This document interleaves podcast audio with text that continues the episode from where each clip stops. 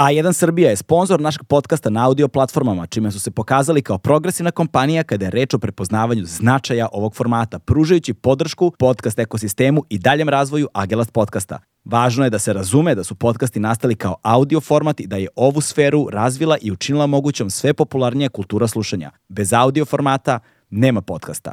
Prijatelj našeg podcasta na audio platformama je i domaći modni brand Legend Worldwide. Prepoznatljiv jeans, udobna lifestyle odeća i neupitan kvalitet definisali su brand Legend Worldwide tokom skoro tri decenije uspešnog poslovanja.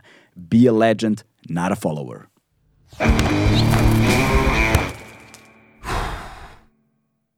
Hmm.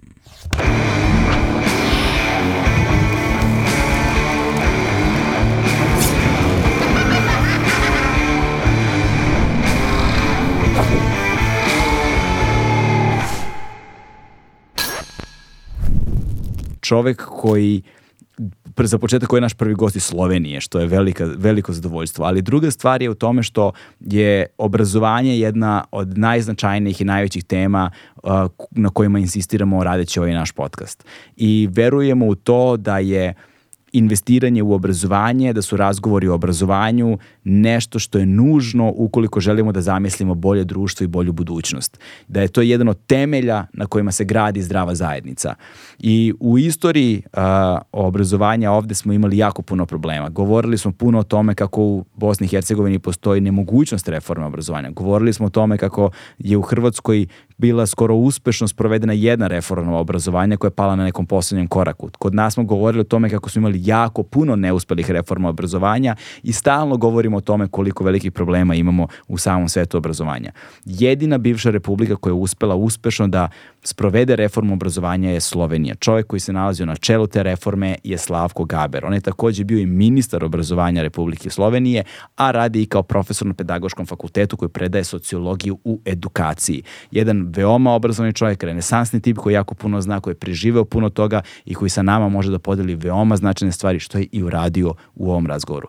Sa, mojim, sa velikim zadovoljstvom najavljam sljedeći razgovor. Naš sljedeći gost je Slavko Gaber. Uživajte. E, dobar dan, dobro veče. da li je sad, tu smo negde na prelazu iz dana u noć. Tu smo negde. Ove, dobar ovaj, dan, dobar večer. Da. ogromno je zadovoljstvo i privilegija da ste ovde sa nama i da ste uveličili ovaj naš format. Um, Meni je drago, hvala na pozivu. obrazovanje je velika tema u ovome što radimo i nešto što smo prepoznali još davno kao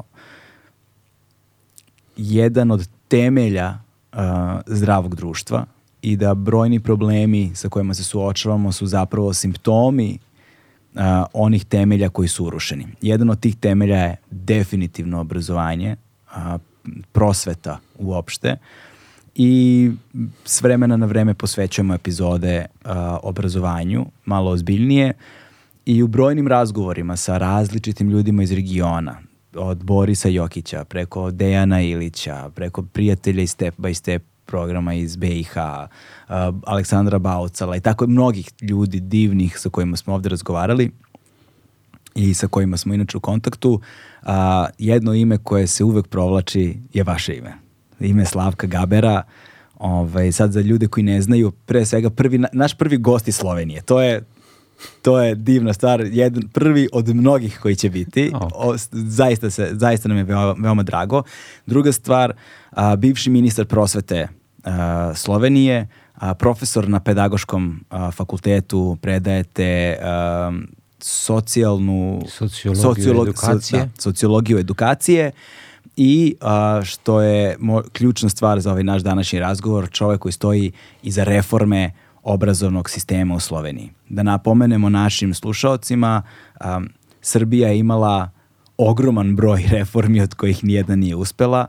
Hrvati su imali jednu E, reformu koja je stigla do samo kraja i nažalost na posljednjem koraku nije uspela i u Bosni i Hercegovini imamo problem nemogućnosti reforme o čemu smo govorili u nekim ranijim epizodama koje ljudi mogu da poslušaju ukoliko, to, ukoliko ih to zanima linkovat ćemo sve te razgovore u opisu ove epizode ali jedina bivša republika koja je zaista napravila reformu obrazovanja i čije je obrazovanje je na izuzetno visokom nivou je Slovenija. I vi stojite iza toga. I današnja tema će zapravo biti u najširem mogućem značenju obrazovanja, ali reforma obrazovanja i kako stvari stoje danas i u kom smjeru obrazovanja treba da se kreće. Tako da nadam se da sam dao nekakav okvir. Ovaj, e sada, pre nego što da pre nego što počnemo malo da se upoznamo, ovaj, ajde da počnemo odmah recimo sa reformom slovenačkog obrazovanja. S, e, obrazovanje kod vas zapravo se desilo, reforma obrazovanja se zapravo desila odmah nakon raspada Jugoslavije, u suštini, li tako? Ali je priprema za to počela mnogo ranije. Da. Čitava decenija 80. su protekle u ispitivanju gde, kako, šta bismo mi hteli kao nacija, da e, živimo u narednim decenijama. I jedna od velikih tema je bilo obrazovanje. Tada je nama bilo jasno da sa usmerenim obrazovanjem mi pokušavamo da spasimo jedan tip ekonomije, jedan tip društva koji ako se ne reformiše iz temelja neće trajati. I jedno prvih takozvanih e, e, jedan prvih pokreta koje je počeo, ja se izvinjavam za moj jezik, razumete to, moje, to nije moj jezik, ali ipak ću se trudit, mislim da će tako ipak ići za vaše slušalce i gledalce. E, je bilo baš obrazovanje. 800 ljudi potpisalo je e, protestno pismo protiv usmerenog obrazovanja. To je onda se zadržalo u naciji kao tema, tako da smo mi puno toga diskutovali pre, izdiskutovali pre, od, na primjer, 88. pa do 92. kad smo mi onda počeli reformom. Puno je toga bilo izdiskutirano, puno se toga napisalo, puno svađi svađanja smo već mhm. na, na, neki način prešli e, tako da je bilo lakše kad je nastala nova država i ta država nije mogla da se zamisli bez solidnog obrazovanja to je moj moja ocjena šta mi imamo kao sistem danas. E sad, ono što je važno napomenuti, prva stvar da objasnimo šta znači u ovom konkretnom kontekstu usmjereno obrazovanje, posebno iz današnjeg ugla, jer ipak govorimo o, o, o socijalizmu i samoupravnom socijalizmu tog vremena i u jednom centralističkom posmatranju stvari i orijentaciju prema fabrikama, što će kasnije biti važno za razumevanje tog bavarskog principa koji su desničari, odnosno nacionalisti želeli da povuku na svoju stranu i tako dalje. S druge, da, da objasnimo, dakle, usmereno obrazovanje, problematiku usmerenog obrazovanja, s druge strane, kojih to 800 potpisnika je bilo? Da, usmereno obrazovanje je bio jedan nepametan pokušaj da se probleme u onom društvu našem tadašnjem zajedničkom jugoslovenskom koji su bili evidentni u ekonomiji i šire u političkom sistemu rešava na taj način da se edukaciju, obrazovanje gurne u to da služi fabrikama, mhm. da bi fabrike na taj način preživele, a niko se nije pitao E, koliko će dugo te profesije za koje smo tad trebali da usposobljavamo e, imati radna mesta gde će onda ovi ljudi koje smo terali da idu u uske profile obrazovanja e, ne znam da vi ste suviše mladi da biste to znali ali u toj generaciji je bila izbačena iz sistema, recimo opšto, opšte obrazovanje gimnazija u većem delu tadašnje Jugoslavije, mi smo na sreću našu bili među zadnjima koji smo to prihvatili, ali ipak trebalo je to vratiti 800 ljudi različitih, eh, više manje svi dobro poznati intelektualci u Sloveniji, od mladih do mm. starih, to smo potpisivali i to je bilo dovoljno jak znak i partiji tadašnjoj, slovenačkoj partiji, da ta igra neće da se završi dobro, ako oni isto tako ne podupru neke promene. I jedan od tih e, sekretara partije tada, e, Pivec se zvao, tada još nismo imali ministre za edukaciju i tako dalje, to je došlo tek nakon, nakon nove države Slovenije, e, on je počeo sa reformama. Već njegova struktura je došla u neki stručni savjet, ja sam bio kao klinac u ime ZSMS-a, ZSMS Savez socijalističke omladine Slovenije, ako pokušam da to prevedem. E, mi smo imali dva mesta u tom savetu. Ja sam bio jedan kao nastavnik iz srednje škole mm. i imao sam tu čast tu, to iskustvo sam tamo, tamo dobio da sam gledao u žiži svega kako, ko zagovara šta, koje su ideje koje bi htjele da donesu nešto novo u edukaciji u Sloveniji. Puno sam toga naučio, to je na neki način to što me formiralo i pošto sam uz to i studirao i pripremao doktorat i te stvari, e, to je verovatno bilo najformativnije razdoblje mm. u, mom, u mom životu. E sad, dok, dok pričate, razmišljam nešto.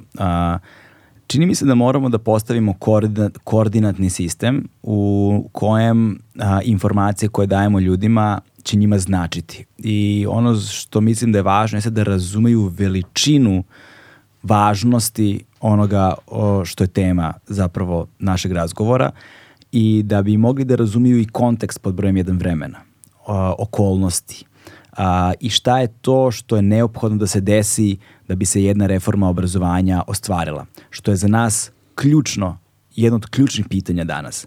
Pod brojem 1 postao je taj prozor kratak u vremenu kada je društvo bilo spremno za tu vrstu promene. Taj prozor ste vi uhvatili da ste ga propustili, ko zna šta bi bilo. Mi smo te prozore propustili, pa je onda pitanje kako ćemo danas da, da, da, da se suočavamo s time. S druge strane, kako se ono što su kod nas gorući problemi, koliko, koliko sredstava treba izdvojiti kako se ta sredstva raspodeljuju, kako doći do toga da stručna lica zaista budu na pozicijama na kojima bi trebalo da budu, kako se zapravo te dubinske i ozbiljne promene sprovode. Slovenija je uspela to da uradi, ali da bismo razumeli ceo taj put, mislim da je važno da se vratimo malo u prošlost i da razumemo kontekst. A da bismo razumeli kontekst i vašu ulogu u tome da se pođemo prvo od vas.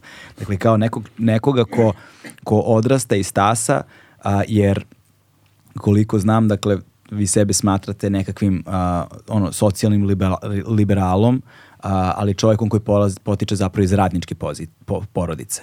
I u tom odrastanju um, dve stvari koje vam nikada nisu promakle, s jedne strane je odnos prema privilegijama i kako, odrasta, kako izgleda odrastanje u privilegovane porodice, u privilegovane zajednici i s druge strane pitanje nepravde. Odnosno, pravedne i demokratske raspodele mogućnosti znanja i tako dalje. A sada bih prepustio vama da vi ispišete zapravo svoj razvojni put, jer je tu bilo puno stvari koje su se vama lično desile, stvari u kojima ste vi učestvovali, koje su vas formirale i koje su kasnije odigrale ključnu ulogu u, reformi i obrazovanju u Sloveniji. Oh, uh, vidite, ta priča moramo je napraviti kratku. Nema veze, imamo ide, mi vremena ide, ide, ide od uh, toga da e, ja potičem iz porodice iz ruralnog dela Slovenije, to je tamo negde blizu Celja, uh-huh.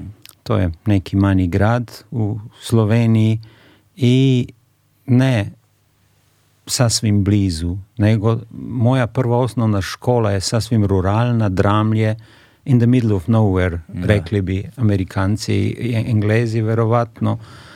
i ja tu počinjem osnovnu školu.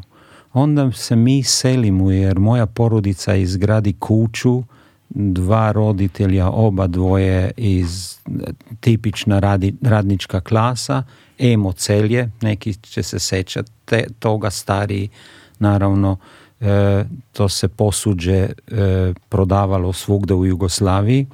Njih dvoje tamo rade. Mi se selimo bliže celju, ljubečna, još uvijek van celja. Tu ja e, odradim sve do petog razreda osnovne škole, onda e, tada je sistem bio takav i sada je u Sloveniji takav da iz ovih škola se selimo u veće škole e, na sam rub ovog grada, Hudinja, gdje završavamo osnovnu školu. Mene od tu vodi put napred u gimnaziju, pedagošku gimnaziju koja je u, u Celju onda. Od, otkud baš pedagoška gimnazija? E, to je pitanje koje je dobro, jer je u glavi mog oca meni bila namenjena e, sasvim druga profesija. On je hteo da ja se bavim, da budem automehaničar. Jer je on iz radničke klase, njemu se činilo da je taj korak dalje od onog što je on bio i postigo. Na sreću moju još je živ i veoma smo bliski. I ja to nisam hteo. A šta je otac bio? Otac je radnik, e, običan radnik u EMU, e, on je pravio, radio emajliranje tih tog posuđa kojeg smo mi držali okolo po zemlji u različitim, različitim e, familijama.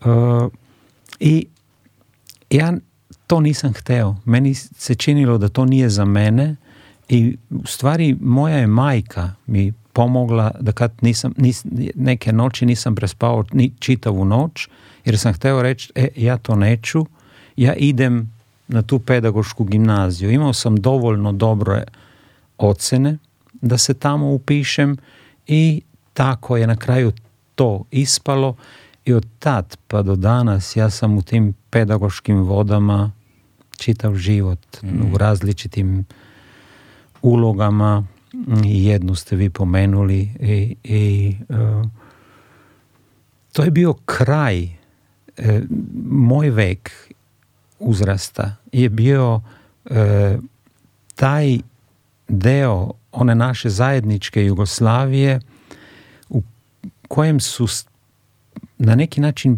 bilo je jedno razdoblje koje je bilo razdoblje relativne relativnog prosperiteta, onda se počeo taj konačni deo kad se ta zemlja i raspala, ja sam sve to proživeo, ja sam bio jedan od onih klinaca koji su stajali uz prvi deo autoputa mhm. u Sloveniji i prolazila su kola sa Titom jest da ga nismo mi videli. Ali oni su nama rekli, u, u tim kolima je bio baš on. Mi smo bili svi, oh. mi smo vidjeli Tita. I to je bilo to, ja sam i, od onih koji su bili nagrađeni jer su bili kao solidni đaci time da su došli na stadion Partizanov mm. e, za 25. maj Aha. iz čitave Jugoslavije. Za vas je sve to više manje science fiction, ali za mene je to bila realnost. I, e, tada sam mu bio najbliže, tada sam znao gdje je. Video sam ga. Znači, i, to je bilo to. Onda je sa druge strane kasnije, kad ja napravim fakultet... je to godina otprilike? E, fakultet završavam 82. ok, Kad sam se ja rodio. Da, vidi se to iz I e, onda idem nekim slučajem bio sam odabran u neku grupu takozvanih e, perspektivnih ljudi iz Jugoslavije. Oni su nas slali u Japan, e, bili smo pozvani kao perspektivni ljudi mhm. da, idemo u, Japan i tamo preživimo mislim da dve sedmice bili smo sve do premijera su nas prihvatili i zanimljive ljude sam tada sreo vi znate Gogu e, ja sam s njom sa vašim ministarkom mhm. socijale kod Đinđića kod Zorana e, bio tamo u grupi Milena Dragičević je isto tako bila, mm. ona je bila neko vreme rektorica eh, umetničkih kog univerziteta ili ove institucije tu u Beogradu, mi smo bili zajedno.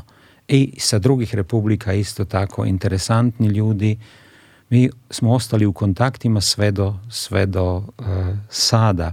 Tako da to je išlo dalje dalje, da bi onda E, došlo do tog raskida gdje smo mi imali unutrašnje dileme, naša generacija, na temu koja će to zemlja biti. A1 je prvi prijatelj audio izdanja Agelast podcasta.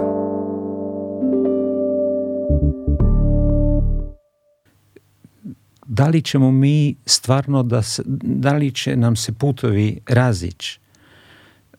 Ja sam bio jedan od tih koji su u, vrijeme one prve veće krize na Kosovu organizovali u Ljubljani naučni skup. govorite o 81. godini. Da, e, tu, tu negde oko... Kad su studentski protesti bili dole. Da, da, da, da. da. Par dana pre toga smo mi završili pripremu knjige, e, intervjue na čitavoj teritoriji, bili smo u srpskim porodicama, u e, albanskim porodicama e, i razgovarali smo o tome kako oni vide budućnost.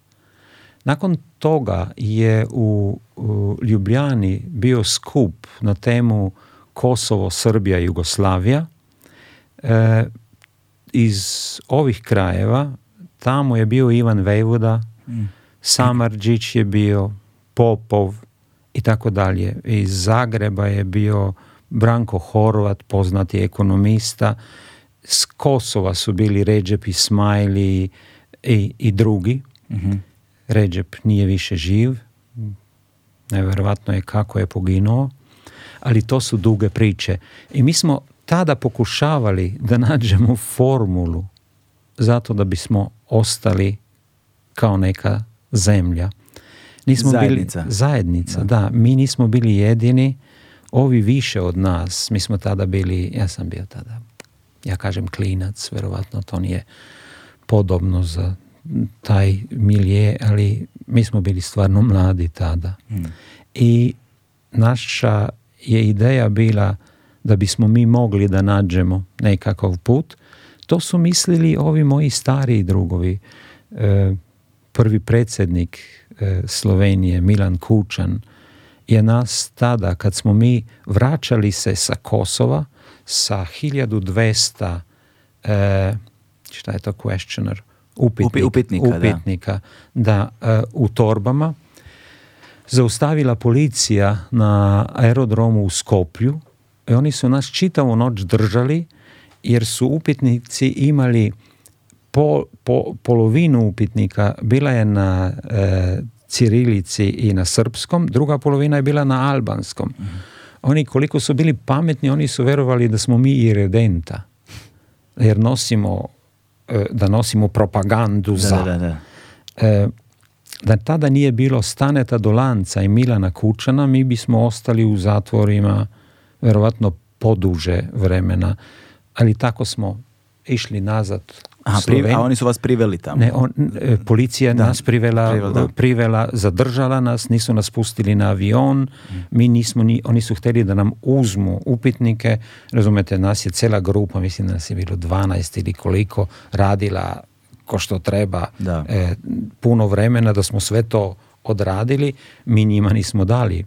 Ali pošto smo mi tada već znali, s nama su bili ljudi iz mladine, Mm. rukovodstvo Slovenije, mi smo zvali njih i rekli smo, e, to ne može da se dešava, da se desi. Mi njima to nećemo dati, ni po koju cenu. Onda su telefoni odradili svoje i e,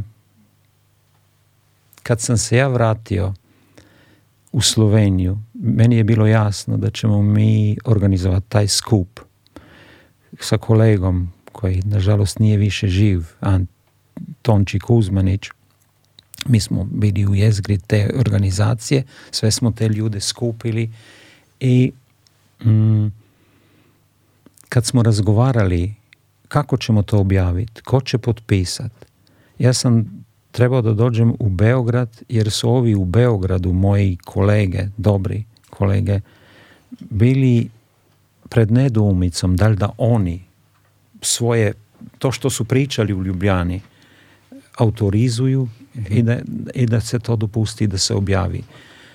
Nikad neću zaboraviti razgovor kojeg smo imali, neka se kafana zvala Zagreb. Da, da. Tu.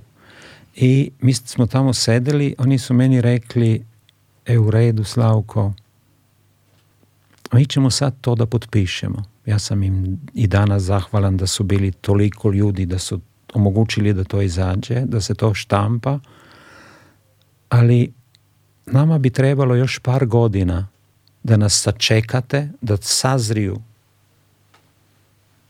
e, a, da procesi, tu mhm. u Srbiji i pa da mi zajedno idemo demokratskim putem.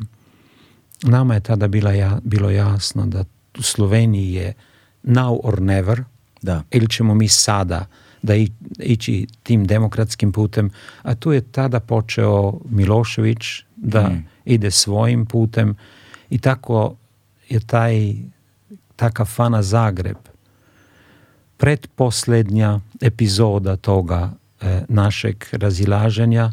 Ja sam bio u Beogradu i kad je Slovenija proglasila nezavisnost mhm. sa Anderlićem, jednim od naših verovatno je bio tada savezni deputat ili bog zna šta. Da gdje smo mi pokušali da pojasnimo zašto mi odlazimo. Mm. Možete si zamisliti da to nije bilo baš jednostavno. Ali sve je to bilo pre toga kad smo mi napravili nezavisnu zemlju i kada smo morali da nam je, moralo nam je biti jasno šta mi hoćemo sa tim. I kad je mene pozvao tadašnji predsjednik već, prijašnji predsjednik E, predsjedništva za neko kratko vreme Janez Drnaušek i tad je bio već odabran. Mi imamo taj sistem da prvo odaberemo, po Nemcima smo to uzeli, prvo prime minister, pa onda on formira kabinet i kabinet ide u potvrđivanje u parlament. On je nekog dana mene pozvao i ponudio mi je da to odradim i naravno na kraju dana ja sam to odradio. A, ono što je zanimljivo da se zadržimo na tom periodu, tom formativnom periodu vašem, jeste jer iz razgovora našeg jednog prethodnog razgovora, jednog od razgovora, poreklo je provociralo dva, dve, dve stvari u vama. Jedna je pitanje razumevanja funkcionisanja sistema, a drugo je pitanje nejednakosti i to su teme koje vas zapravo zanimaju i dalje. Na kraju krajeva ovaj, na, na, na kraju krajeva to i predajete sociologiju edukacije koja zapravo spaja mhm. ovaj, te elemente. I tada ste napomenuli jednu meni veoma zanimljivu stvar što mislim da je važno da se razume u duhu vremena. A to je da je socijalizam vremeno otvarao vrata što govori zapravo o stepenu razvoja društva u kojem smo bili i šta je to što je socijalizam donao dobro, ali da je s druge strane i gušio slobodu. Da su te dve stvari dvojako postojale. I da recimo, jednom, rekli ste mi jednom prilikom da recimo bilo je situacija kada je policija ulazila u razred jer ste vi postavljali nedozvoljena pitanja. Da, tako da, volio bih samo da se osvrnete na to i na koji način je to zapravo formiralo vaš odnos prema onome što će kasnije biti važno za razumevanje postavljanja i, i, i razvijanja prosvetnog sistema, jer će to kasnije biti važno za razvijanje kurikuluma, bit će kasnije važno za razumevanje odnosa privatnih škola, odnosa prema religiji, odnosa prema stranim jezicima, odnosima prema nacionalnoj i svetskoj književnosti i tako dalje i tako bliže. Ali dok, hmm. stignemo mi do tamo polako. Vidite, meni je bilo jasno, verovatno iz razloga mog formiranja, mog izvora, da meni nikada ne bi bila vrata otvorena, nas dvoje tu ne bismo sedeli, vi biste bili tu, a ja sigurno ne. Mm. E, po svemu što ja danas znam iz sociologije, edukacije i znam ponešto, e, ja ne, ne spadam, razumete, mm. e, deca radničke klase ne prođu sve to što sam ja prošao. I meni je bilo jasno da je meni ona odluka moja e, tvrdoglavost. Hmm. Ja neću to, nego ako je moguće ja bi to. Meni je otvorila vrata u druge svet, u drugi svet, u neke druge okolnosti, u druge percepcije, koncepcije. Ja sam imao sreću da sam tamo našao, naišao na e, ljude koji su meni otvorili nove poglede na literaturu. Teatar nije bio stvar moje porodice, a mm. sada je naravno teatar stvar moje porodice. Razumete, tako se formira. I moja želja kasnije bila da što više njima, njim, tih koji su danas klinci isto su tako iz sličnih okolnosti, naravno decenije kasnije, ali još uvijek mi imamo društvenu reprodukciju, još uvijek imamo e, nejednakosti i reprodukciju nejednakosti i škola je jedan od redkih mehanizama koje nije sve mogućan, ali može da, da ponudi puno, puno toga. To je, to je odredilo moje stavove, ne samo knjige, pa čak i to da smo recimo mi preveli eh, La reproduction, to je nešto iz eh, francuske literature, Pierre Bourdieu i Jean-Claude Passeron su napisali 70. godine je to objavljeno, magistralno delo koje obrazlaže zašto škola sudjeluje u reprodukciji društvenih nejednakosti. Hmm. Nije slučajno da sam ja pisao studiju e, uz, tu, knjigu. Ko, nije puno, ko što nije puno drugih stvari e, slučajnih. Nije slučajno da mi nismo odbacili socijalizam tek št. Meni je bilo jasno da mene niko ne bi otpratio na gimnaziju i dopustio mi da idem ravnim putem na fakultet ako bi ja trebao da platim školarinu. Da, ne Da nije, da, da, nije socijalizma. Da. Socijalizam je zapravo obezbedio tu vrstu društvene i klasne mobilnosti. Da.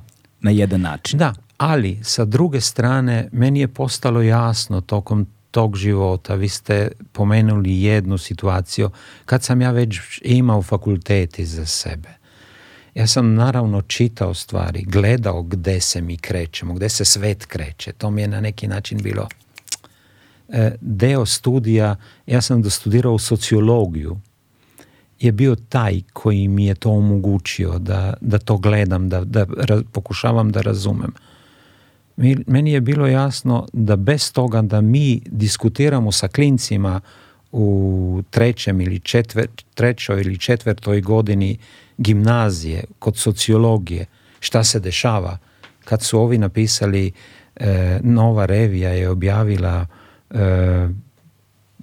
jedan zbornik e, rasprava o tome gdje, kako, kuda ide Slovenija. Mi smo, da ne bi radili to što je partija naša radila, koja se odlučila osuditi tekstove. Mi smo, ja sam dao njima da to čitaju i mi smo onda... O Da. I mi smo onda o tome pričali. E, onda je to počelo interesirati policiju našu, mhm. slovenačku tadašnju, koja je bila deo naše jugoslovenske. Koje godine pričamo otprilike? To, to su bile, to je bilo tu negde krajem 70-ih. Okay. I kad smo mi išli korak dalje, kad je u Jugoslaviji bila u Beogradu posljednja parada vojske koja je pokazivala ko je ko, mm. ko je bostu u toj zemlji, e, ja sam tada namerno skupio ljude, e, među njima su bili Slavoj Žižek, mm. Mladen Dolar, mm-hmm. e, kasnije pred, jedan od pred, članova predsjedništva Slovenije, eh, Dušan Plut, koji se bavio ekologijom. Slovenija zelena držela je bio naslov knjige koje je on tada objavio. Sa druge strane u muziki su se ljudi bavili tada pankom. Neko je napisao knjigu Punk pod Slovenci. I svi su ti došli na taj dan, da razgovarajo sa našim džacima, gimnazijalcima.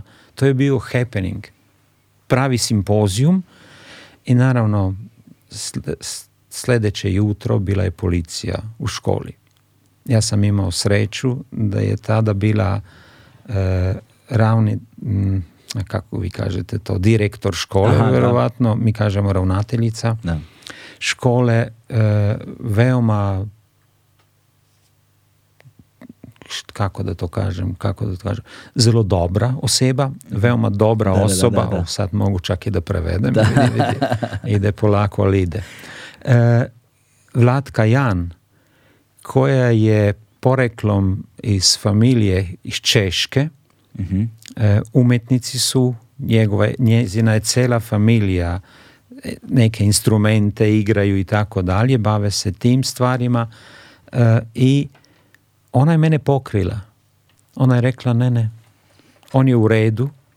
E, imala je tu sreću da je ona bila blizu partije, mhm. bila je jedna od tih članica partije i njezin muš muž je radio e, e, u marksističkom centru Eh, centralno komiteta komunističke partije Slovenije. Ja, Aha, da, da, razumete? Da, da, no, da. Već, već zvuči onako. Da, da, to zvuči, to zvuči. Rogobas, da, rogobasta, da. Da, ali, Rogobatno ali na taj način je policija otišla iz škole. Ja sam mogao mirno da završim Bog zna gde. To je bio moj prvi kontakt sa policijom, te direktne vrste. Onda je taj u Skoplju bio sljedeći. No, bilo ih je još. Ja sam saznao kad sam bio već u kabinetu vlade naše i kad su se otvarali arhivi, da sam bio jedan od tih koje su pratili. Mm. E, kad smo bili mladi i čudni, naravno, e, tajna služba e, Slovenije. Ja, ja sada danas čak i znam kome je pratio od mojih drugova studenta na fakultetu. Wow. To nije baš e, najlakše, ali... E, nije prijetno iskustvo, da. Nije, ali... Saznanje. Da, ali sve to je bila isto tako Jugoslavija. Bio je taj socijalizam koji je mene omogućio, a sa druge strane pokušavao je da me zaustavi, jer sam ja hteo više. Mm.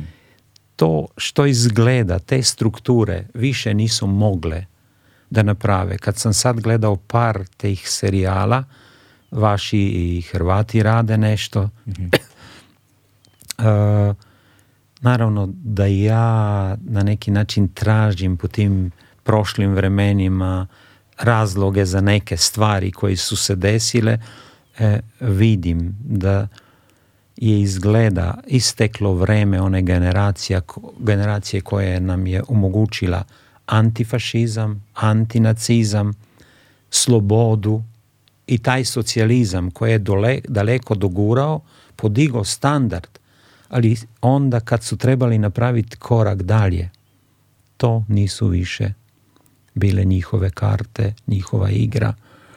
Trebalo je sačekat generacije koje su došle tu kod vas ljudima koje, koje sam prije pominjao, hmm. sa Zoranom na primjer, kojeg sam ja isto tako imao čast da sretnem i da razgovaram s njim. Mi smo se u Ljubljani kao različite strukture opozicije ona, onom tadašnjem sistemu tu i tamo našli.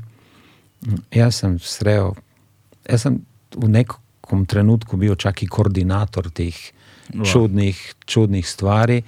Tad sam razgovarao sa ljudima koji su tu i sada, vidim da se spremaju na izbore. Mi smo Šešelja vadili iz zatvora, vi morate to razumet. Ja teško sebi priuštim sad da, se suočim sa time, ali ja sam to radio. Na drugoj strani u Zagrebu je bio e, tada koordinator Franjo Tuđman. Mi smo razgovarali zajedno e, preko telefona, verujem da je neko slušao šta smo pričali, kako da se šešelju pomože. Mi smo objavili knjigu za šeksa, da se šeksa izvadi iz zatvora. Ja sam baš tada putovao za Japan, prije mm. sam ga pomenuo. E, tada sam već bio urednik neke e, zbirke, knjižnica za revolucionarnu teoriju, KRT, E, mi smo objavili sto knjiga u to vrijeme kad smo mi bili još mladi. E, Brehtovo geslo knjiga je oružje, uzmi je u ruke je bilo geslo e, šta je geslo, kako se to kaže? Parola znači, ili parola, da. parola na vašem jeziku. Ali, Te zbirke, razumete. I sve smo se to igrali, na taj način smo mi objavili šeksove E, uspomene, e, beleške iz zatvora. Mm. Ja sam teško se odlučio da to objavim, jer mi nije, način pisanja mi nije bio blizu. Mm -hmm. E, I ipak smo odlučili kao e, redakcija te, tog krta e, da to objavimo. Šta je e, krt? I, knjižnica revolucionarne, teorije. Aha, ok, ok. Biblioteka revolucionarne teorije KRT. E, uzeli smo to od Marksa, da, da ne zaboravim to da mm. kažem. Kaže Marks na nekom mestu, dobro si, šta je to, rije kroz zemlju. Aha, da, Znate šta je krt? Krtica, krtica, dobro si taj, te tunele radio u, zemlji. Kopao tunele, mi, da. mi smo kopali tunele tada, to je bila naša ideja. ideološke tunele. Da, da, ideološke, nove, tražili smo nove putove, novo svetlo, u mhm. stvari. To I sistem u kojem ste Da, da, to je što je mene e, e, fasciniralo i nisam verovao da će se to desiti. Kad se ja vratim, nakon dve sedmice iz Japana, iz Japana čitava količina tih knjiga, mi smo štampali za današnje razmere, verovatno čak i za Srbiju, neverovatno. tiraže. Razumete, mi smo prodali hiljadu izvoda u, ta u te dve sedmice. Ljudi su samo čekali da čitaju. Mladina se prodavala. Da, bile, bile, društvo je bilo spremno za neku vrstu I, i, to, I to je... Čini... Ne samo u Sloveniji, mm.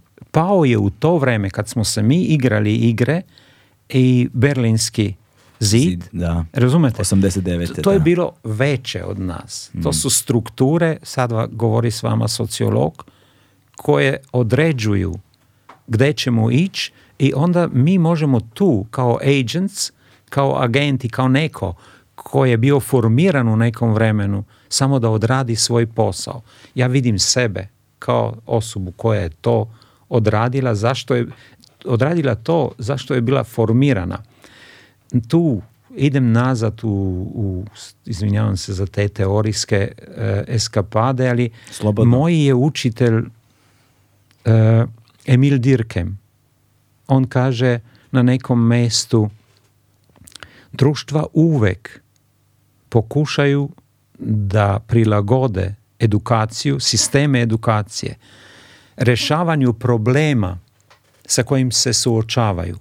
Tako da to što je radio Stipe Šuvar je bilo ime tog, mm. te osobe koja je forsirala i uvela u većem delu Jugoslavije usmereno obrazovanje, on nije radio ništa drugo. Samo što je to radio tada kada je bilo već odlučeno na razini kretanja struktura velikih da taj tip ekonomije, socijalističko samoupravljanje, neće preživjeti. Mm. Zašto? To je suviše veliko pitanje za večeras i za danas. E, ali ja sada vidim to na više načina, ali to je za neku drugu emisiju. Uh, Leibach, nastaje u to vrijeme. Mislim, ko, to, to, ta, ta, to, to vrijeme daje lepo kontekst u kojem I, nastaje... I pre Lajbaha, pre nastaje, nastaju, formiraju se pankrti. Mm, pankrti, da. Ljudi iz mog fakulteta su ga razumeli jedan deo pre nego što sam ja razumeo pankrte. Mhm. Za mene je bilo to suviše too far away, da. suviše oddaljeno od mog habitusa, mm. ja bi danas rekao. I trebalo mi je vremena da ih, skap, da ih iskapiram. Da. I kad dolazi Lajbah, ja sam tada već profesor na gimnaziji Škofja Loka. Mm -hmm. A, I, Škofja Loka, da. da I mi, da. klinci, idemo da slušamo Lajbah. Hm. I mi interpretiramo Lajbah već. Da. Razumete? Ko što smo mi gledali The Wall, mm interpretirali to unutar nastave. Nastava je tada bila šarena od toga da smo još imali e, temelje socijalističkog samoupravljanja i marksizma kao, kao, kao predmet. I moje vreme bilo je i vreme za predlog da se to skine. Mm. Imali smo šta je teritorijalna odbrana ili bog zna šta, nešto društvene odbrane, bog, ne znam kako Odbrana i zaštita. E, tako nekako da, se zvalo.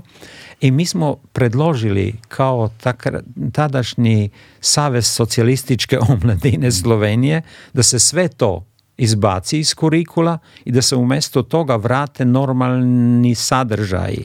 Šta je bio predlog? To je danas interesantno jer je bilo radikalno do zla Boga razumete, ti klinci se sete i kažu pa izbacite vi ta dva predmeta. Mi smo u stvari demontirali jezgro ideološke strukture tog društva i to da nas nisu uhapsili meni je i sada na rubu neverovatno. Ali Slovenija je tada bila neki safe haven što se toga tiče neka zona u kojoj je bilo dozvoljeno. Zašto? Jer je i partija odigrala svoj deo, mm. štitila je te, e, te klince.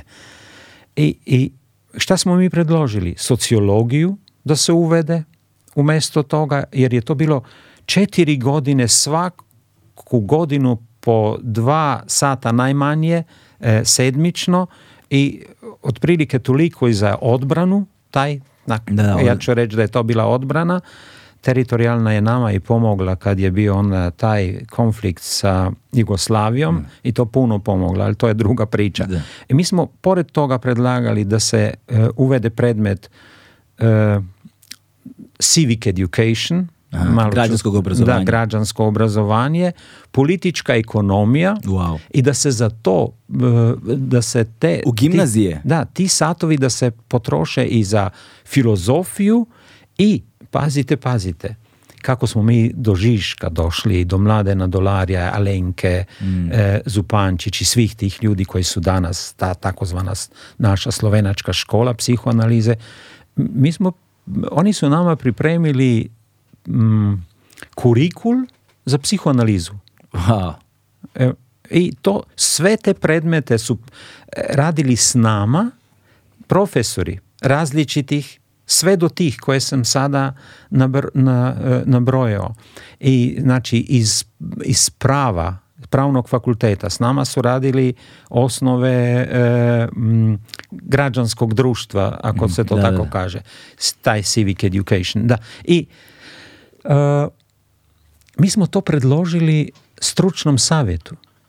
kom stručnom savjetu? S republik, socijalističke republike Slovenije. Slovenije. Aha, okay. I da bi bio paradoks još veći, uh, jest da smo, jer sam ja tada već sedao tamo kao jedan od njih.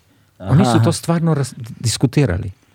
Došli su ljudi iz uh, krugova slovenačkog dela uh, odbrane, s nama ozbiljno razgovarali. Vidite, to je riskantno, je bio njihov stav, ali ipak ideje nisu loše. Mm. Kad ja sada to gledam nazad, bili su genijalni, fenomenalni. Puni razumevanja. Da, da nas nisu bacili sa stola, jer bi to bilo najlakše e, i mi, bismo išli drugim putem. No, sve to je bilo i, i uz to dolazi Lajbah koji je radikalan.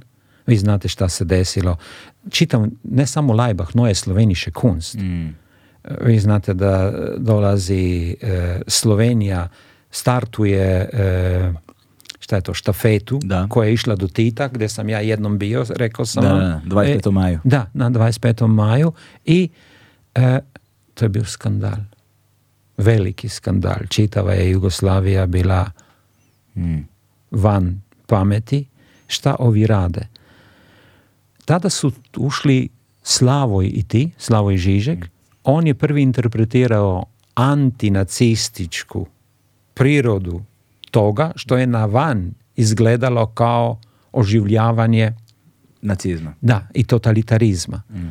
To je uspelo na kraju da se prihvati na razini više manje svih ljudi pameti u Europi i Leibach je sada na tom frankfurtskom sajmu e, predstavljao jednu od slovenačke ponude e, veoma poznatu oni su poznati od Slovenije. Da. da, da, Koji Slavoj Žižek je isto tako. Da, da, da. Možda da neko ne zna gde je Slovenija i šta je Slovenija, ali kad kažete Žižek, onda a, da, da.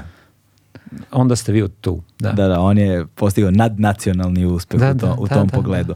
Ono što je također zanimljivo, dakle, ovo, ovo je sve dosta važan, dosta važno da se razume u kom smeru se posle kretalo i na koji način se gradio taj, pa ne znam kako da ga nazovem drugačije, ali recimo zid odbrane od onoga što će biti napadi tokom, tokom pokušaja reforme. Ovaj, jer očigledno je da se postavio snažan, stručan, progresivan i veoma obrazovan kadar ljudi koji su učestvovali, učestvovali u tim promjenama. Ali ono što je fascinantno jeste da nešto što ste malo prepomenuli, a to je da je, da je, da je društvo bilo spremno za promjenu. I mislim da je to dosta važan princip koji treba razumeti u, u, u, u procesu takozvanog propuštenog prozora u vremenu. Dakle, prilika traje kratko i treba je prepoznati kada je društvo spremno za tako veliku i temeljnu promenu i iskoristiti taj prozor. I sami ste rekli da, da taj prozor nije iskorišćen tada, ko zna šta bi sa Slovenijom bilo danas. Da, to je tačno, sociološki gledano je to više nego tačno. Ja čak kažem da smo mi imali, ok, pamet. Mhm. Mi smo bili formirani da bismo. Nešto o tome sam rekao, pored toga.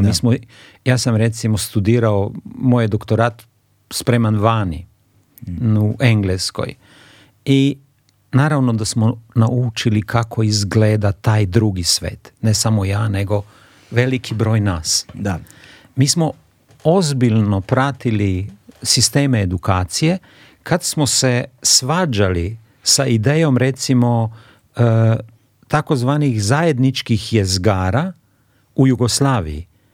Još jedna pogreška koju su napravili bez danov i taj krug koji je bio blizu prije spomenutog Šuvara. Mhm. Stipe, Da, e, oni su verovali da, je e, da će spasiti Jugoslaviju na kraju to da oni uvedu zajednički e, zajedničku više manje jednaku nastavu mm. jezika i literature svako je mogao sa mjeseca da vidi da to neće proći. Da. Da. Ja sam bio deo te diskusije. To je bila ova centralistička vizija da, negdje da, jugoslovenskog obrazovanja. Kad smo zakasnili sa tim da to društvo podignemo još jedan korak više, mi smo onda pokušavali, mi, oni su onda tada pokušavali na baš, baš nezgrapan način da to srede centralistički. Da naprave korak u nazad da, stvari. Da, da, I to nije moglo da prođe i mm, tu smo mi imali i pored toga da smo nešto znali, tu formaciju, da smo imali tu formaciju, iskustvo, borbe za smislene stvari i puno sreće. Ali je, ali je s druge strane, uh, ili što bi rekli sloveni, ampak, je s druge strane, uh, uh, dakle, bila je ta dihotomija taj unutrašnji sukob s jedne strane socijalizma koji vam je dao mogućnosti i tu vrstu društvene mobilnosti i klasne mobilnosti i priliku i da se obrazujete i da, da, da, vam, da, da postavi jedan društveni standard na višu lesticu nego što je bio ranije. Prije, Ali s druge strane je imao te represivne sisteme i aparate koji su gušili i sprečavali bilo kakav progres. Ali tu se dešava sada i treća, treći uticaj, čini mi se, ovaj, u vašem životu sa odlaskom jel, tu Englesku, jer zanimljivo je da ste se bavili ispitivanjima granica demokratije. Mm Što je davalo, što je davalo dodatnu ovaj, dodatnu perspektivu novu razumevanju sveta iz kojeg dolazite? To je interesantno i više i interesantnije izgleda sada unazad. Ne. Razumete, kako nekome koji je deo procesa pokušavanja izgradnje e, predstavničke demokracije u nekoj maloj Sloveniji pada na pamet da je pitanje koje treba proučiti i to temeljito, šta je s granicama mm. te demokracije. Ja sam to išao da studiram e, kod Johna Kina e, i vi imate prevode na srpski njegovih dela. On je jedan velikih konceptualaca takozvanog civilnog društva mhm. i imao sam tu sreću da je on bio dovoljno dobar prema tim ljudima koje dolaze iz uh, from nowhere, da. so to say, e, od nikud. E, I e, naučio sam puno toga. Mm -hmm. To su bile lepe, lepe su uspomene na to. Ja sam tada radio na tekstovima e, Johna Stewarta Mila, Okay. I e, Tokvila, Aleksisa de Tokvila, to su ljudi koji su u 19. veku opozoravali da ne samo da ima socijalizam granice, to su tada svi pričali po Jugoslaviji, da, imaju, da postoje granice koje se ne smeju prestupati ako ti hoćeš demokraciju koja će funkcionisati. Mm. I dakle demokratija isto također ima granice. naravno, naravno sada se ih vidi bolje hmm. nego što se ih je vidjelo tada, ali i tada su bili ljudi veliki, to su dva velika mislioca. E, ja sam imao prste i kod toga da smo mi on liberty preveli hmm. u e, naš na naš jezik i e, oba dva toma demokracije u Americi. to je Tokvil, prvo je Mil, drugo je Tokvil. Ali to je što je interesantno za naš razgovor. Ja sam sve te stvari diskutirao sa Ivanom Vejvodom. Tu, u Beogradu. Sa mm. vašim ljudima. Beograd, što se te produkcije tiče, nije bio... Mi smo bili tu, al pari. Da. Mi smo se takmičili, Ivan i ja, ko će prvi da prevede uh, da donese u prostor neku literaturu koja će biti malo progresivna, ne, ne koja, koja, koja, će, subverzivna. koja će peckat Aha. te ljude. I kad je Ivan, kad je, to, je, to je bilo oko 1989. E, zašto to znam? E, rekao sam 90, 89. 89, da, da, to je u redu, da. 200 godina revolucije uh mhm. -huh. v Francoskoj, je Aha, bilo, da. in Ivan se tada odločijo, da prevede Sanžista. Da. In šta smo mi uradili? Mi smo gledali en drugog, in moja ideja bila, ok. Dova je priča interesantna. Senžist je radikalno krilo mm.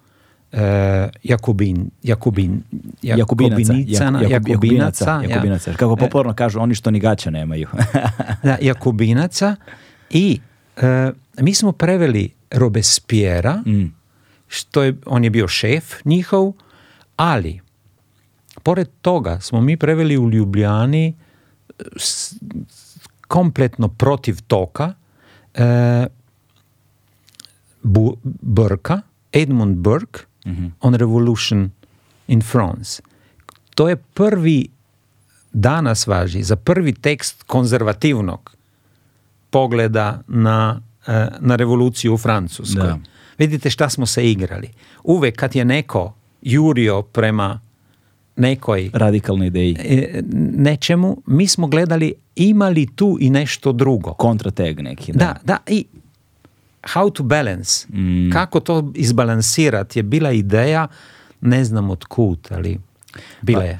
Pa, dolazile iz, iz prirode represiv, represivnog sistema u kojem, koji, koji ste prepoznavali, koji ste željeli subverzivno da rušite. mislim, iz današnjeg ugla posmatrati te stvari deluje drugačije nego iz u tadašnjeg ugla. Dakle, veoma je važno razumeti duh vremena i okolnosti u kojima su se te stvari dešavale. I fi, prostorno i vremenski, politički, društveno, na svaki mogući način. Psihološka mm. konstitucija ljudi je tada bila drugačija na ovim prostorima i u svetu uopšteno. Da, da. Ove, ovaj, I stvari koje danas znamo ili za pogrešne ili za ispravne, u to vreme su bile samo subverzivne. Mm -hmm. Ove, ovaj, e sada, ovo sve negde zapravo pretpostavlja pripremu onoga što će se desiti, dakle kada se, kada se raspada Jugoslavija, kada se Slovenija odvaja, postaje nezavisna, vi ste u suštini već imali spremne, bili ste spremni za reformu i kao društvo i, i sa ljudima i sa svime. Ali ta reforma nije došla lako.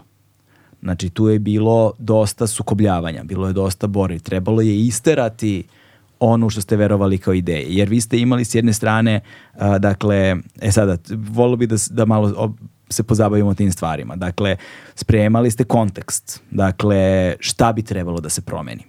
Onda ste do 96. godine promenili zakone Onda ste uveli poseban tolar za investicije u obrazovanje. Za mlađu publiku koja ne zna, tolar je nekada bila valuta u Sloveniji, sada euro. I ako se sećam dobro, kad sam ja živeo tamo, oko 2400 tolara je bilo 10 eura. Tako nešto se sećam da je bilo otprilike. A, a do 99. godine ste radili na kurikularnoj promeni ovaj, a ceo nacrt je bio predviđen za duži vremenski period. To nisu stvari koje nastaju preko noći, to nisu stvari koje nastaju lako i u tome je bilo dosta napada sa različitih strana. Imali ste nacionalističke frakcije koje su težile tom bavarskom modelu obrazovanja koji je vraćao zapravo princip usmerenog obrazovanja ka fabrikama u na jedan način, ali ste vi to ublažili, tu su, ključnu, tu su ključne uh, ovaj, um, uloge u savjetovanju odradili uh, ovaj Pasi Salberg, jel tako, iz Finske, pa ćemo govoriti ovdje je tu važna ova knjiga za kaj Finci letio dilje, dlje, dlje, da, zašto Finci lete daleko, da odlaze, lete dalje. To je, skijaška uh, figura, da, da, Slovenci to razumeju, zašto Skaču. Ne, ne, ne, ne, da, why they are flying actually. In, uh, da. lete. Lete, lete. Jer mi imamo planicu i na planici ne samo da se skače, nego se, tamo i leti. leti. Ha, da, da, Kad ideš e. toliko daleko, to se stvarno leti. E, ovaj, I drugi koji je pomogao tome legendarni Michael Apple, ovaj, o kojem možemo, da, kojem možemo pomenjamo kasnije ali doći ćemo jel te do toga. Hajde sada prođemo kroz ovaj proces kako je on izgledao u trenutku kada je ta faza reforme započela ko što smo rekli već, e, grupa, takozvano šolsko polje, školsko šta? Igralište.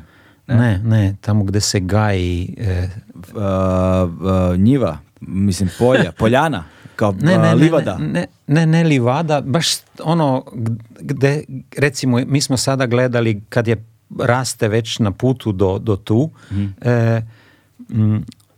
pšenica. Aha, ok, žitarice. da, da, da. Na, rastu na polju? Da, ne, gde rastu? Uh, na farmi, mislim, ne znam. Polje. Pa polje, mislim, polje je, mhm, mhm. da. Ok, šolsko polje je bila i... Livada, mislim, i, da. Ne, livada je za mene i tamo gde samo trava raste. Aha, ok, da, da, to, da. To je više. Da, da, da. I, i tu, uh, ta je grupa bila jaka.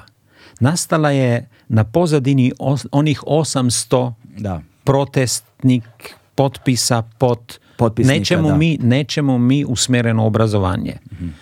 E, pitanje koje je bilo logično. sad razumemo sad razgovor sa početka šta je bio problem sa usmjerenim obrazovanjem. Da, pitanje, pitanje je bilo u redu, mi nećemo, ali od nećemo se ne živi baš najbolje. Pitanje je šta mi hoćemo. Mm. I ova je grupa ljudi e, koje je jezgro, su ljudi iz pedagoškog instituta bili, je e, ljudi iz pedagogije, ljudi iz pedagoških fakulteta i tako dalje, nastavnici, razumete? Mi smo se okupljali, mi smo diskutirali, ne samo da smo se protivili tome što je partija htela tamo u 80 nego smo, prije sam vam rekao, ja sam bio neko koji je koordinirao grupu ljudi neverovatno kako je bilo moguće to koordinirati. Danas to puno jači ljudi od mene ne bi mogli tek tako da iskoordiniraju. Profesore iz različitih struktura, ove koji su kasnije postali Žižek, Lajk mm. i, i tako dalje, e, oni su to radili sa nekom, nekim koji je bio stvarno mlad i e, radio je na nekoj školi negde, čak ni u Ljubljani, ne na elitnoj školi. Gimnazija Škofje Loka je dobra gimnazija, ali to nije elitna slovenačka gimnazija. Oni su to odradili. Znači, mi smo već tada spremali šta bismo mi tačno hteli. bila je naši ljudi, Marjan Šetinci, ova grupa ljudi su uveli Sloveniju, na početku su to radili čak i za Jugoslaviju, u prva međunarodna istraživanja koja su dane, IAE je neka međunarodna institucija, e, Teams rade oni i Srbija tu i tamo uđe u, to. To je to što je bilo prepise, mm. međunarodne komparacije. Tu smo mi dobili, dobili ideju e, pa u redu je, mi se svađamo ko je dobar, ko nije. Pa to ljudi u svetu mere. Na. Hm. Zašto? Da mi ne uđemo, pa da vidimo gde smo.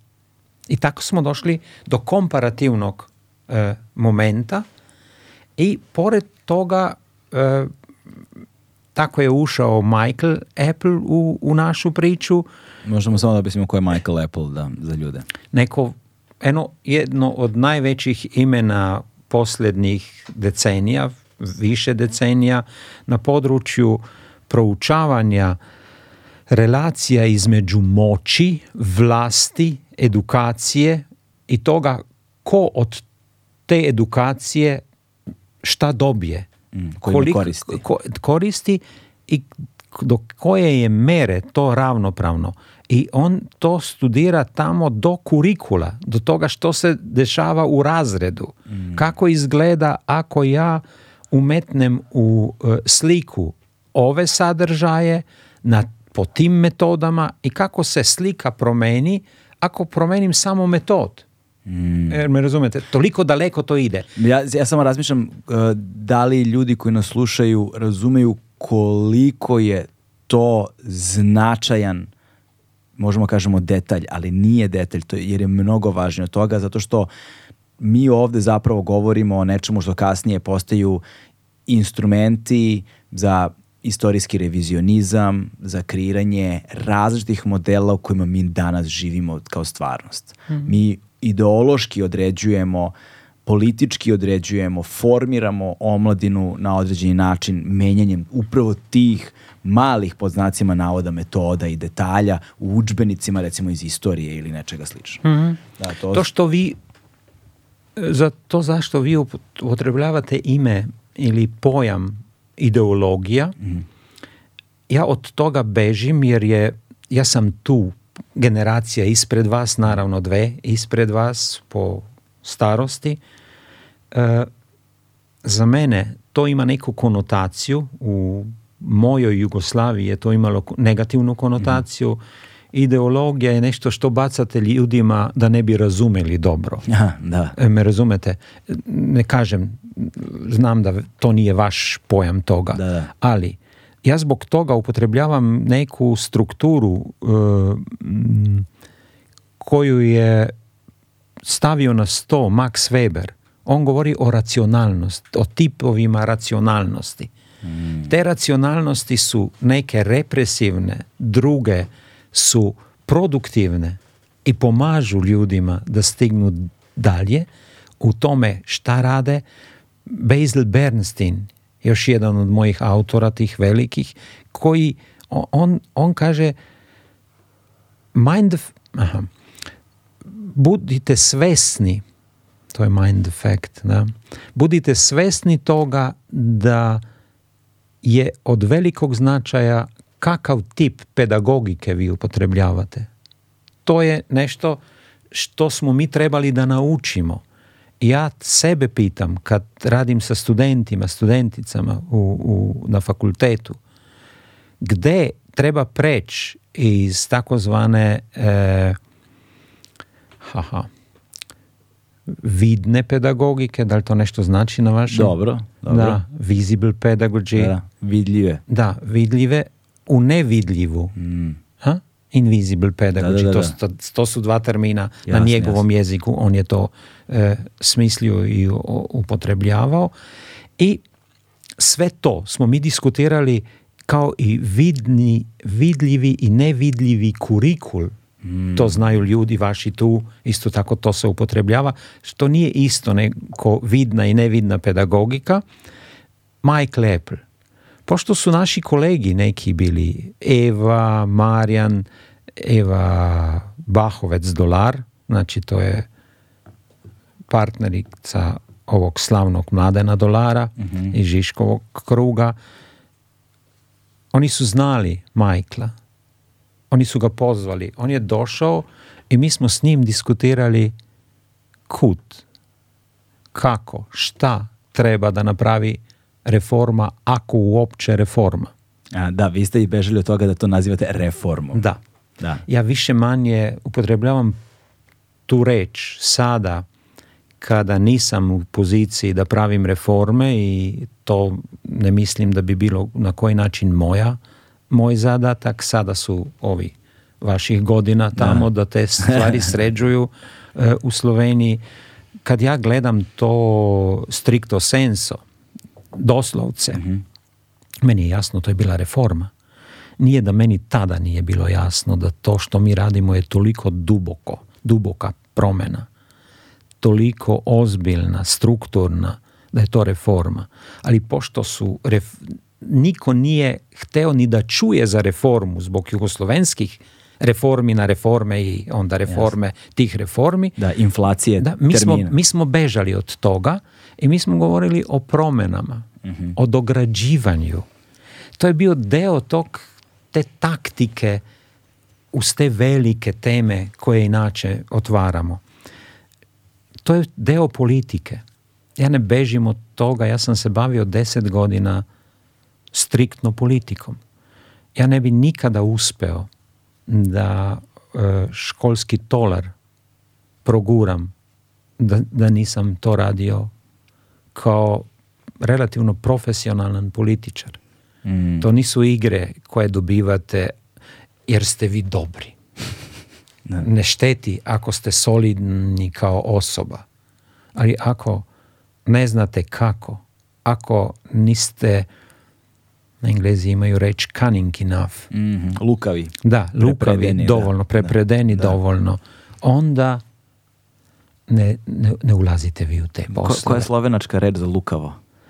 Zvito. Zvito. Tako, nije niste dovoljno zvito. Ja, ja, če e. za zviti, potem se ne igrajte. E, ja, pa nećemo, sad, sad sa našim jezikom tu previše. E, znači, e, tako je došao, tako mi dođemo do, do ovog velikog imena. Mhm.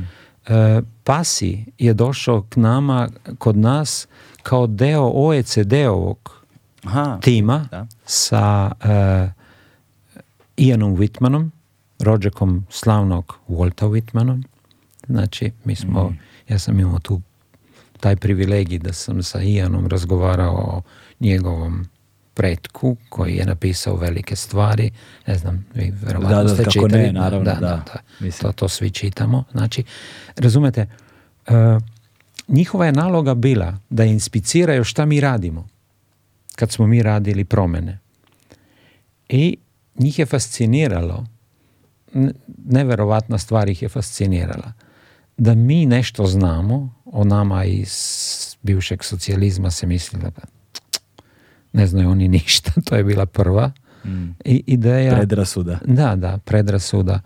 Druga je bila, oni to rade autoritarno. Mm. I kad sam ja sedao sa e, predstavnicima sindikata s njima i sa velikom grupom ovih stručnjaka naših i je, bilo je jasno da mi pozivamo ljude iz nordijskog sveta da, da, naše šaljemo tamo da gledaju šta rade danci šta rade e, finci šta rade norveška šta radi švedska i tako dalje Pasi nije mogao da veruje. Kasnije mi je rekao, pa vi ste izgledali kao normalni. da biste, da biste ja, sam, ja, sam mu rekao, ja pa i ti si meni izgledao normalan. Da. Tako da. da biste razumeli zakaj Finci uh, letijo Da. Da. da. da to, to nas je zanimalo, to je mene zanimalo čak i kasnije. Ovo je nastalo u stvari kad je reforma već prošla, ovo je objavljeno 2006. ako mm. se dobro sećam. I nije slučajno, to je za vašu kameru, Kalevala. Mi smo naime ustanovili kad smo ekipa nas je otišla u Finsku, kad je Finska postala najuspešnija zemlja po tome po e, e, razmeri između mhm. dostignuća i pravednosti, jednakosti. To je mene zanimalo. Kako progurati najveći deo naših što dalje? Da. To vi možete napraviti elitnu gimnaziju Bežigrad, mi imamo, ne treba meni ništa e, ja mogu, naša gimnazija Bežigrad je i ova u Mariboru, druga u Mariboru, su u špici e, International Baccalaureate da, na, vrhu samo. Da, da, na samom vrhu. I to je u redu. Ja se ne branim toga. Ali to je jedna stvar. Napravite vi meni sistem koji će sve koji će najveći deo ljudi mm. dignut daleko, tu ja vidim i da će doći klinci ko što sam bio ja. Da, da. Inače nemaju šansi. Tu se vraćamo na ono odrastanje, na ono poreklo iz radničke porodice. I, to je bila, to je ideja. I, e, to se veoma sviđalo Pasiju, ne samo Pasiju, ona delegacija je bila... njima je bilo onda jasno zašto smo mi prihvatili njih da nas kontrolišu. Mi tada još nismo bili OECD, to smo tek kasnije ušli. Ja sam bio onda u, i u nekim njihovim grupama pozvan da pregledavamo sisteme mm. tamo gde OECD to pregledava i puno sam naučio na taj način i učvrstila se ova ideja komparativnosti. Tako smo mi ušli u to. Naša je bila ideja pa mi nećemo da se takmičimo prvo sa nikim. Sa tradicijom dugom skoro tri decenije, Legend Worldwide je prepoznatljiv domaći brend sa akcentom na jeans, pre svega, koji odlikuju bezvremenski, klasični modeli. Dakle, Amerikanci su želeli da se takmiče. Mm da. Mi smo hteli da smo dovoljno dobri da možemo normalno funkcionisati u svetu u kojeg smo odlučili da uđemo. Razumete? Mm. Mi ulazimo u to vreme, idemo prema Uniji. Mm. Meni je bilo, mi nismo bili toliko glupi da nama ne bi bilo jasno da Unija ne daje ništa tek tako. To je za mene bilo okruženje u koje treba ući da mi ne bismo slučajno suviše brzo pali, Bog zna kamo. Mm. To je nešto što te stabilizuje. Ali tamo nema milosti ti znaš ili ne znaš, umeš ili ne, možeš ili ne možeš. Znači, treba pogledat gdje su naši. Mi smo tu, naša ideja bila, e, piše, mislim da to čak i u ovoj drugoj knjigi, Bela knjiga. Beloj knjizi, to je, vidite, relativno dosta stranica, koliko, verovatno, pre, previše za to da, tu negdje oko 350 stranica. Tu su ideje šta ćemo napraviti. Mi smo mhm. dugo to promišljali.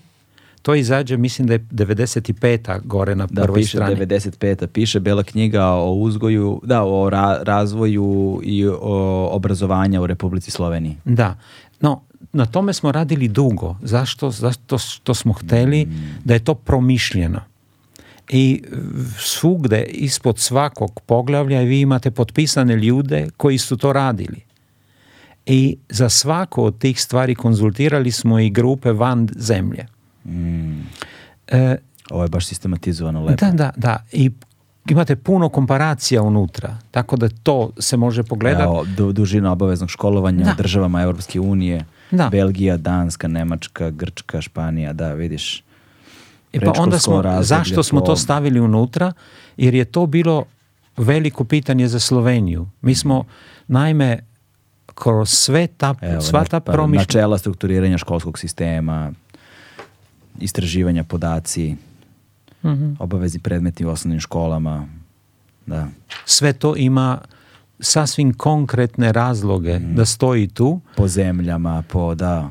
Da, da. I onda ste vi zapravo pravili presek šta se u svim drugim zemljama radi, po kojim principima se radi, I koliko smo gde smo mi i mm. gde bismo hteli da smo za deset godina. To nas je zanimalo. A ono što je iz naše Google-a ovde neverovatno zvuči kao naučna fantastika jeste da zapravo sede ljudi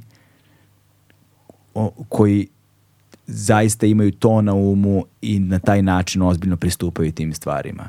Mi smo imali tu sreću pored više tih lejera sreće, razina, ne znam kako se da, to kaže, nivoa, nivoa da, uh, da nam se desio Janez Drnovšek, da nam se desilo nešto što je politička partija koju je on vodio, i mi unut, jezgro toga je bila prijašnja, bio prijašnji savez socijalističke omladine, koliko to čudno zvuči, e, Slovenije. Mm. Znači kombinacija nekog koji je već bio lider nesvrstanih, bio je predsjednik predsjedništva Jugoslavije i to u ne bilo kojim vremenima. Bio je ekonomista i on je došao i vodio je nas. Dari, ja sam ušao u vladu sa 34 godine ili nešto slično. To je danas i za Sloveniju znanstvena fantastika. Razumete? I on je umeo da kombini, kombinuje mm. te ljude koji su imali više iskustva, tu energiju koja je htela i koja je bila vezana i trebala je da uspije. Ja kad sam, se, kad sam trebao da se odlučim za to da li ću ući u vladu ili ne, on je meni rekao u lice, vidim ja da vi razmišljate da li to uopće ima smisla. Meni je stajala preko puta druga ideja. Ja sam završio doktorat, imao sam mogućnost da odem u Kanadu, da su tada pravili edicije sabranih radova Johna Stewarta Mila, meni dragog, prije sam vam rekao zašto dragog. I naravno, mi smo trebali da se odlučimo kao porodica šta ćemo. Moj sin počeo školovanje u Angliji, e, kad sam ja tamo, bio, moja supruga isto tako versatile in number of the things mhm. i mi smo bili blizu toga da odemo kad sam ja došao kući i rekao, čuj, pa mi ćemo verovatno da ostanemo. E mi ćemo odraditi to, to i to.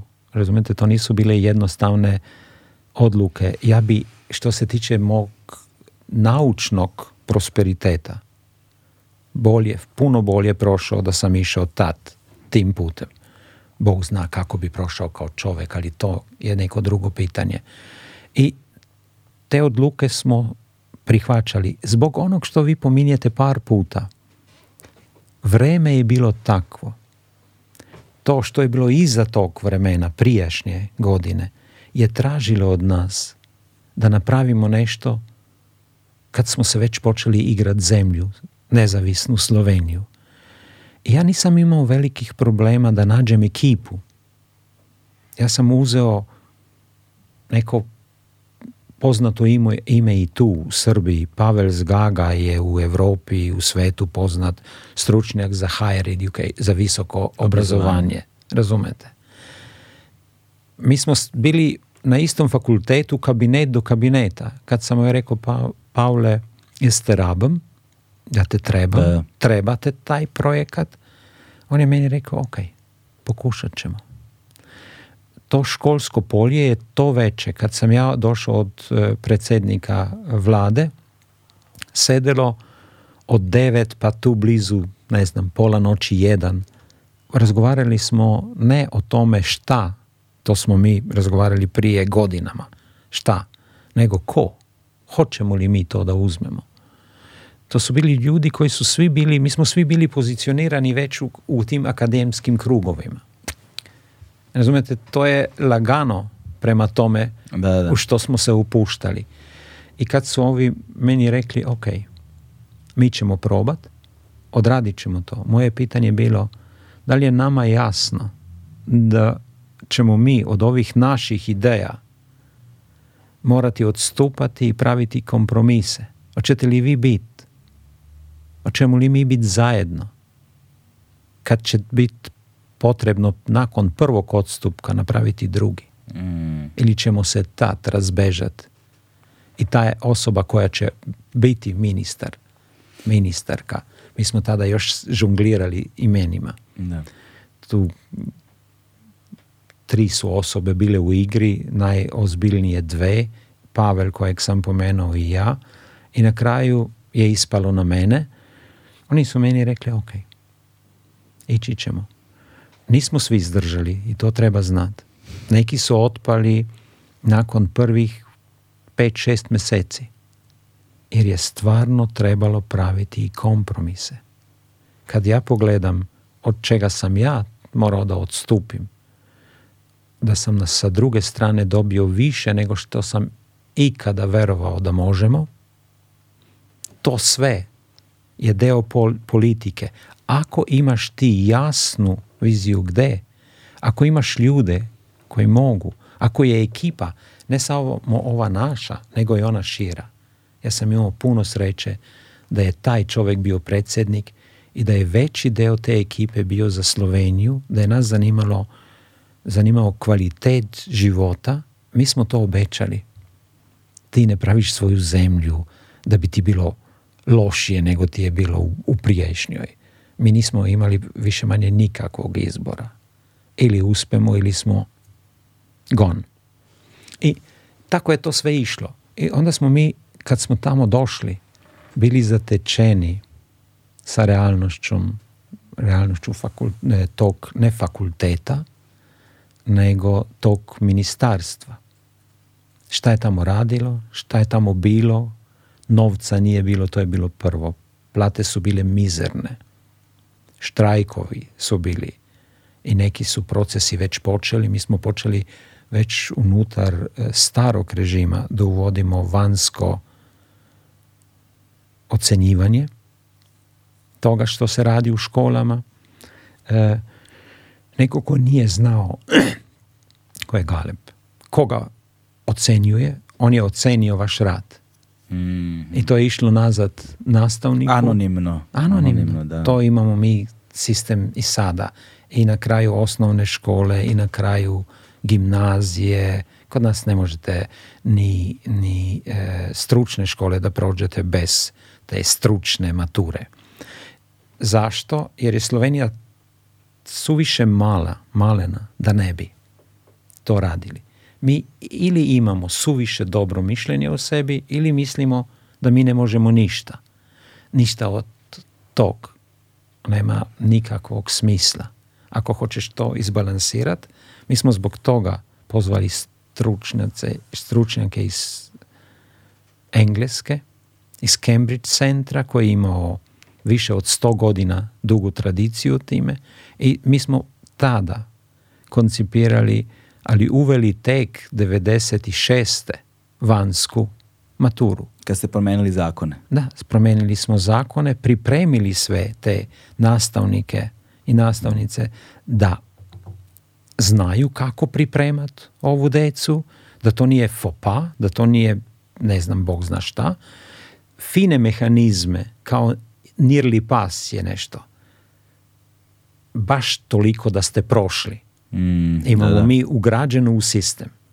E, da ste se provukli. Provukli ste što se. kaže, provukli kroz iglene uši. da, ali zašto?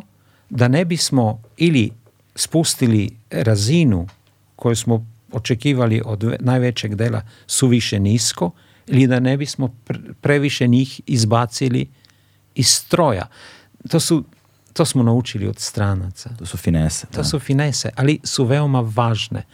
I tada smo se pitali šta nama treba. Nama treba veći obim ljudi u obrazovanju, bilo je to jasno. Ako ti imaš dva miliona ljudi, to nije sedam i nešto, razumete? Ne možeš se igrati ti time. E, I kad smo, e, bilo je jasno da treba visoke standarde zagovarati. To znači da ćemo mi tražiti puno od nastavnika. jedna od prvih ideja je bila, na sreću smo radili sa tom fakultetom, sa tim fakultetom na kojem, s kojeg smo mi, ja i Pavel, dolazili. E, tamo su bili dobri ljudi koji su vodili tu kuću. Je bila prenova nastavničkih programa. Mm. Kako ih podići više? Koga sve dovesti sa strane? Gde da idu studirati naši asistenti? Mm. da, bi se vratili jer ako ti nemaš kvalificiranih radnika, radnika onda piši kući, to je propalo. Mm. Ako ti nisi sposoban da im obezbediš normalne plate, društveni status, status, onda isto tako nemoj se igrati time, nećeš uspjeti, nema da, mislim da su ovo neke veoma važne poruke i za nas ovde.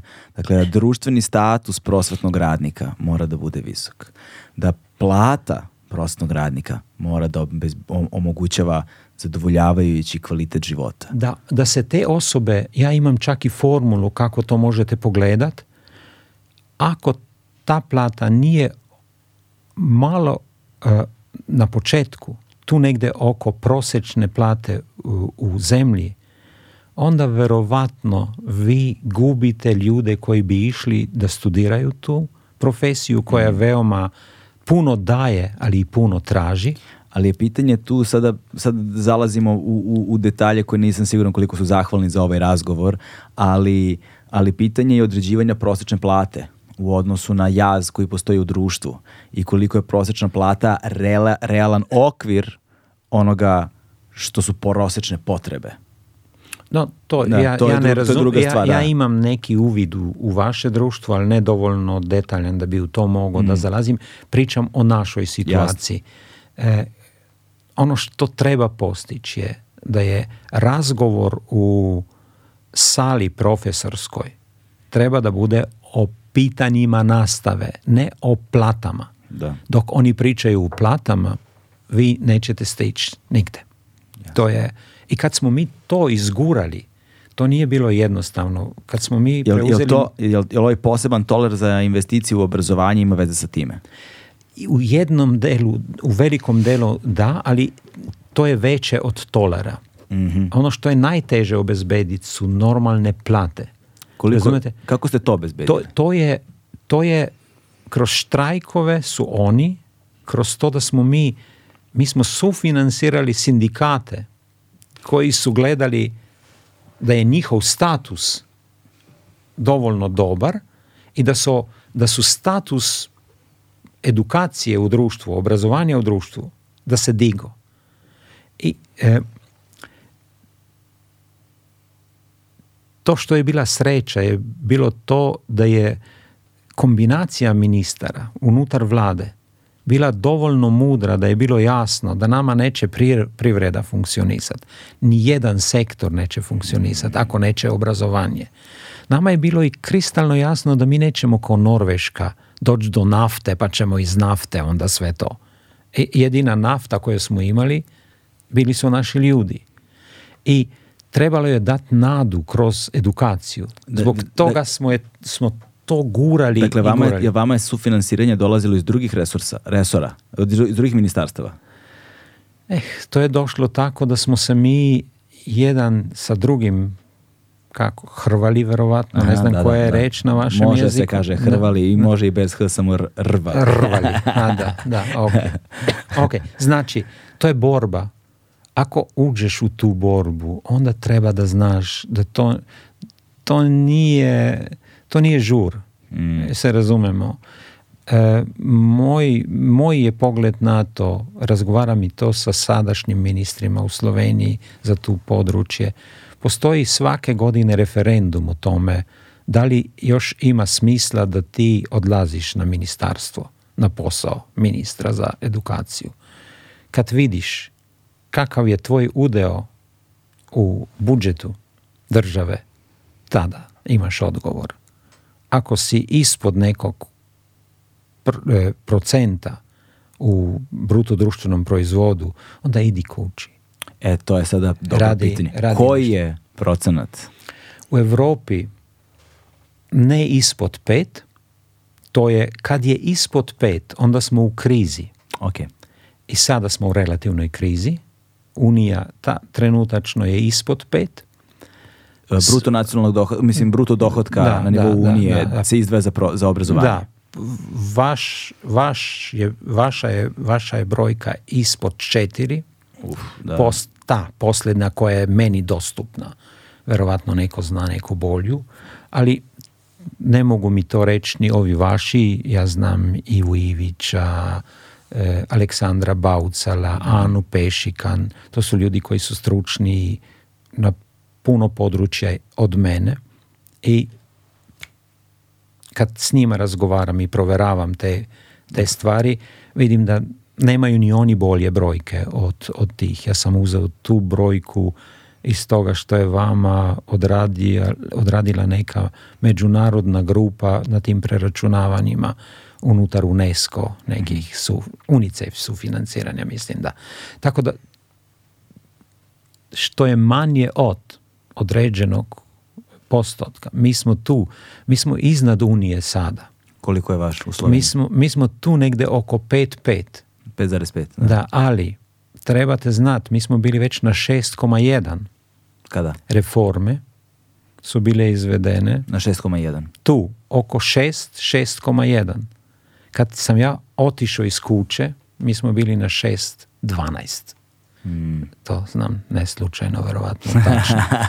E, da. I moja ideja da mi kao sa sistemom koji je kompleksno koncipiran, ispod šest ne prolazimo dobro.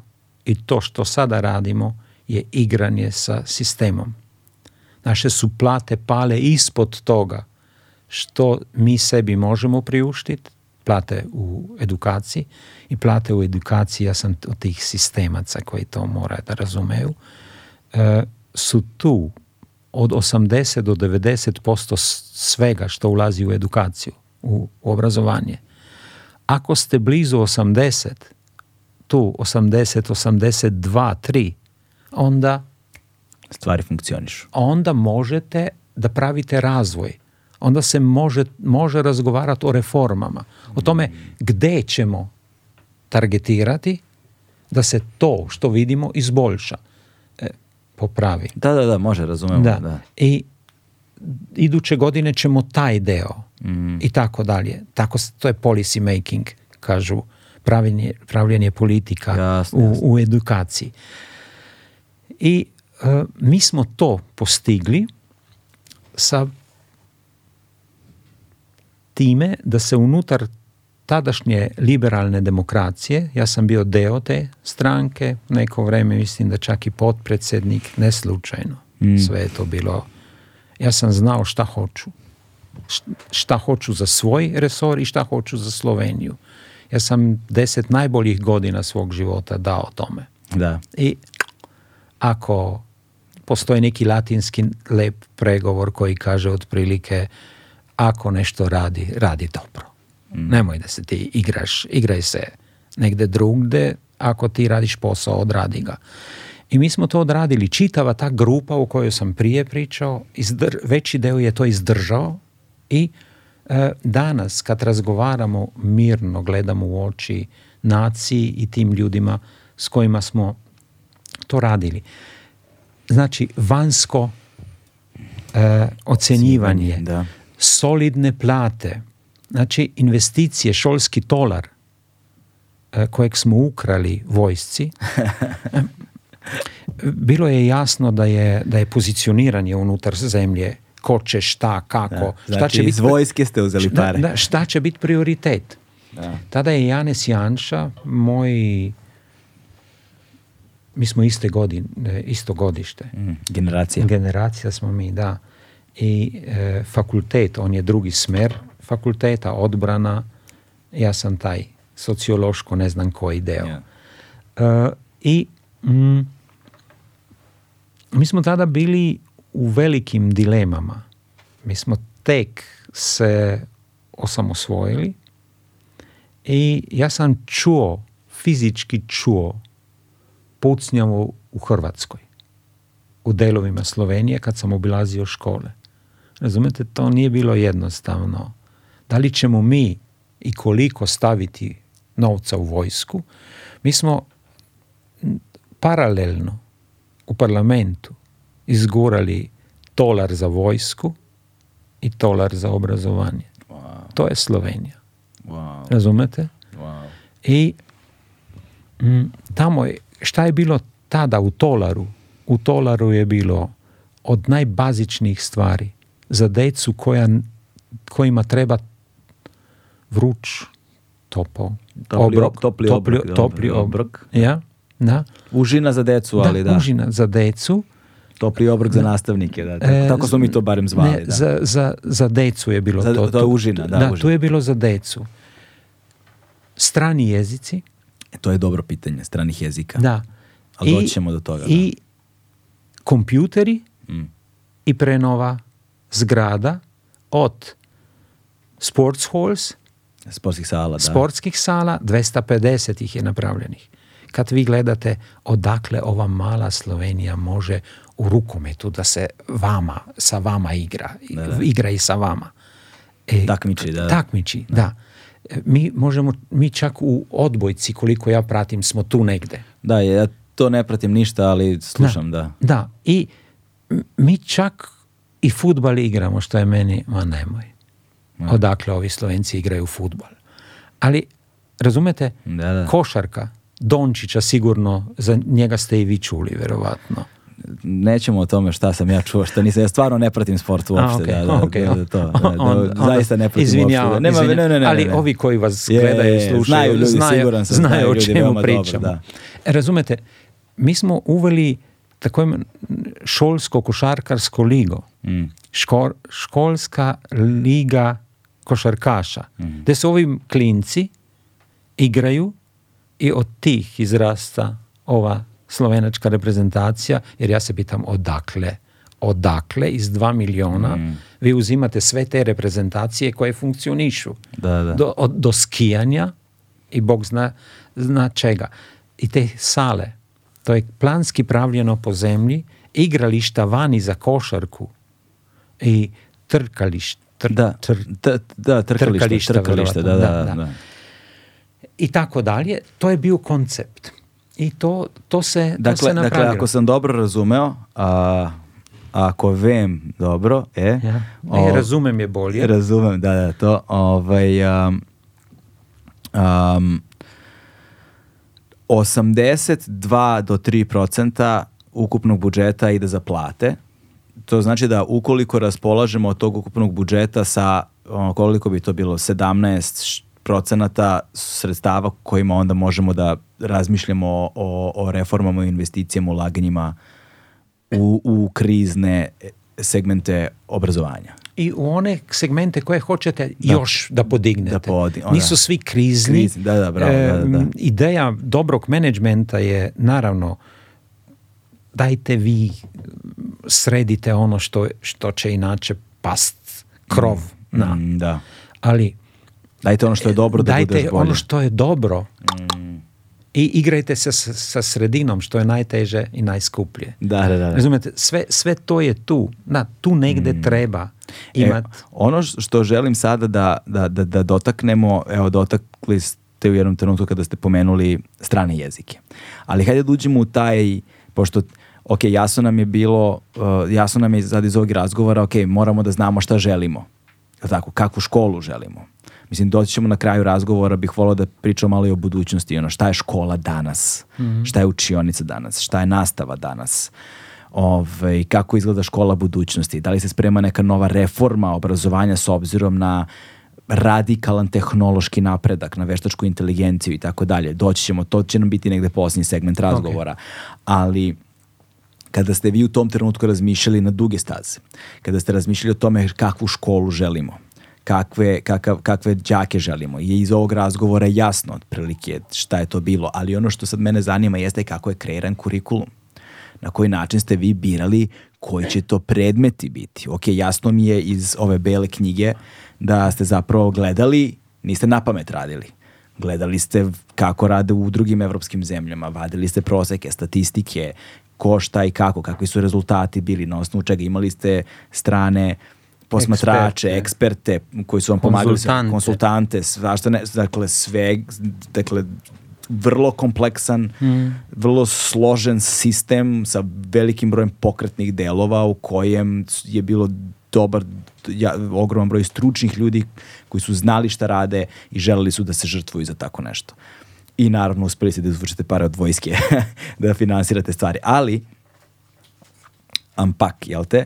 A, borba bez obzira na sve to za sam kurikulum nije jednostavna i donošenje odluka o tome šta će da bude i na koji način će da bude je ono što mene sada zanima. Dakle, kako ste vi, koje ste predmete birali, kako ste znali da su to baš ti u odnosu na neke druge i kakve ste pritiske imali s polja, sa drugih strana, da ne budu ti predmeti. Evo recimo jedno pitanje koje može lepo može da ilustruje, gde se, ja sam to sebi zapisao, dakle kada ste radili to rasturanje, bilo je, imali ste dva, dve stvari ste rasturali, s jedne strane nacionalističke vizije, a s druge strane centralističke vizije Jugoslavije. Vi ste morali da nađete nekakav put između.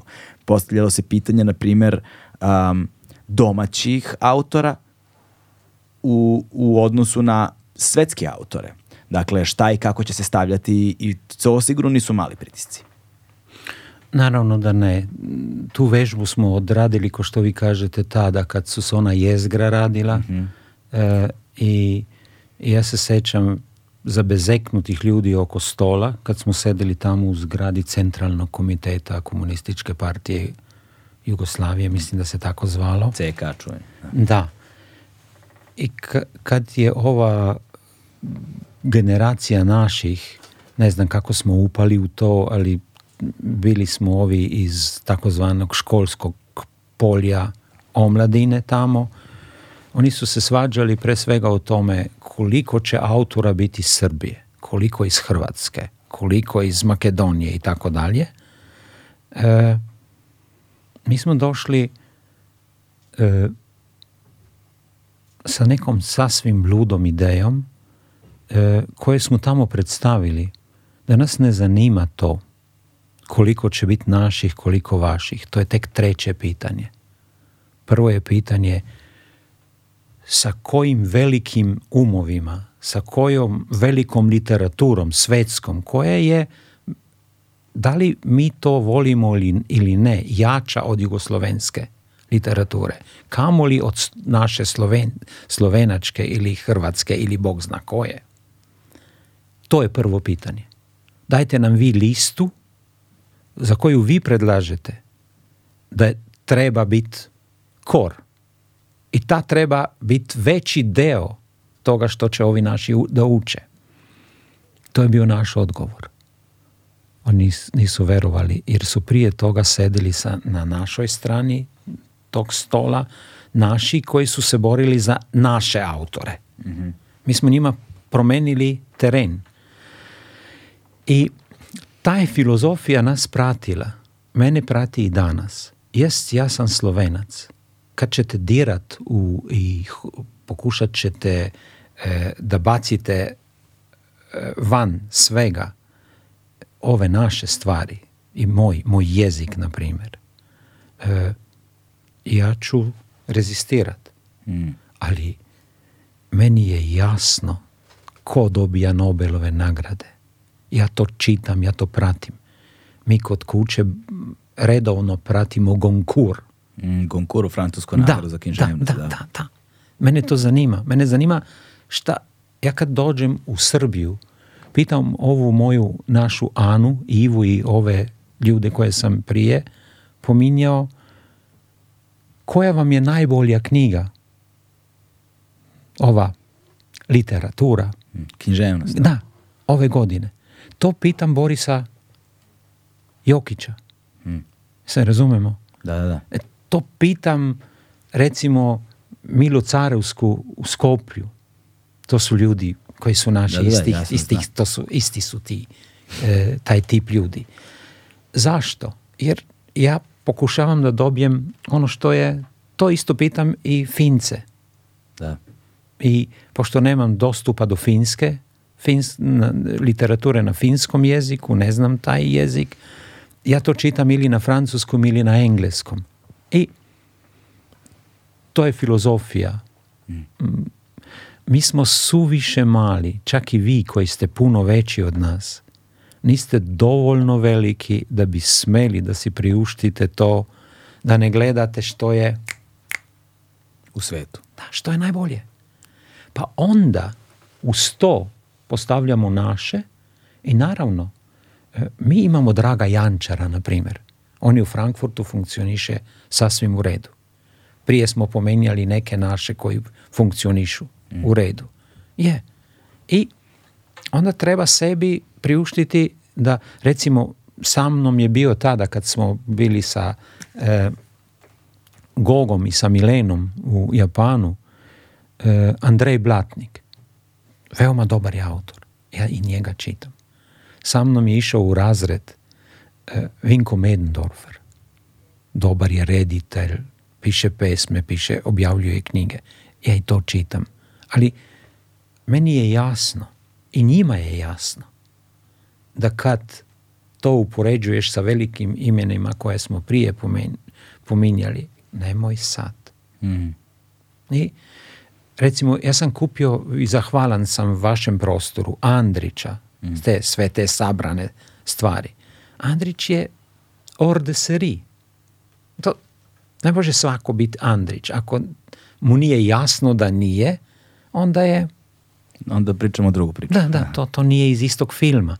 Znači, to je to. I mi smo tim putem, meritokratskom logikom, na neki način pokušali da uspostavimo taj sistem i to smo te upotrebljavali i kad je bilo, kad su bili u pitanju kurikuli. Mhm. E, naravno da su tu bile tenzije i ne samo te e,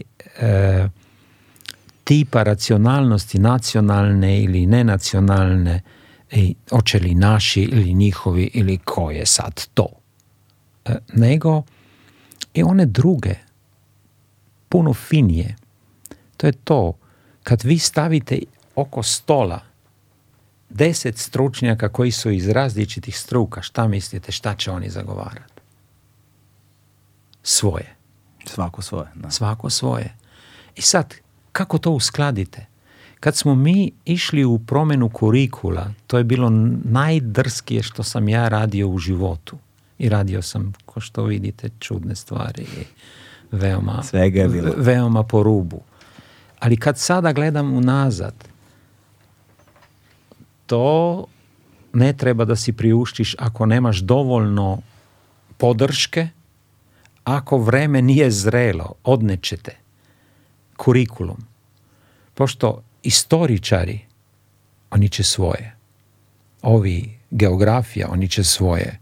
Ovi kompjuteraši i veštačka inteligencija, oni će svoje. Muzičari će svoje, ovi koji su sa fiskulturu će svoje. E, ali dan ima samo određen broj sati. sati. Mm. Gde će deca, da li će ova deca uopšte da spavaju? Mm. je pitanje na kraju dana.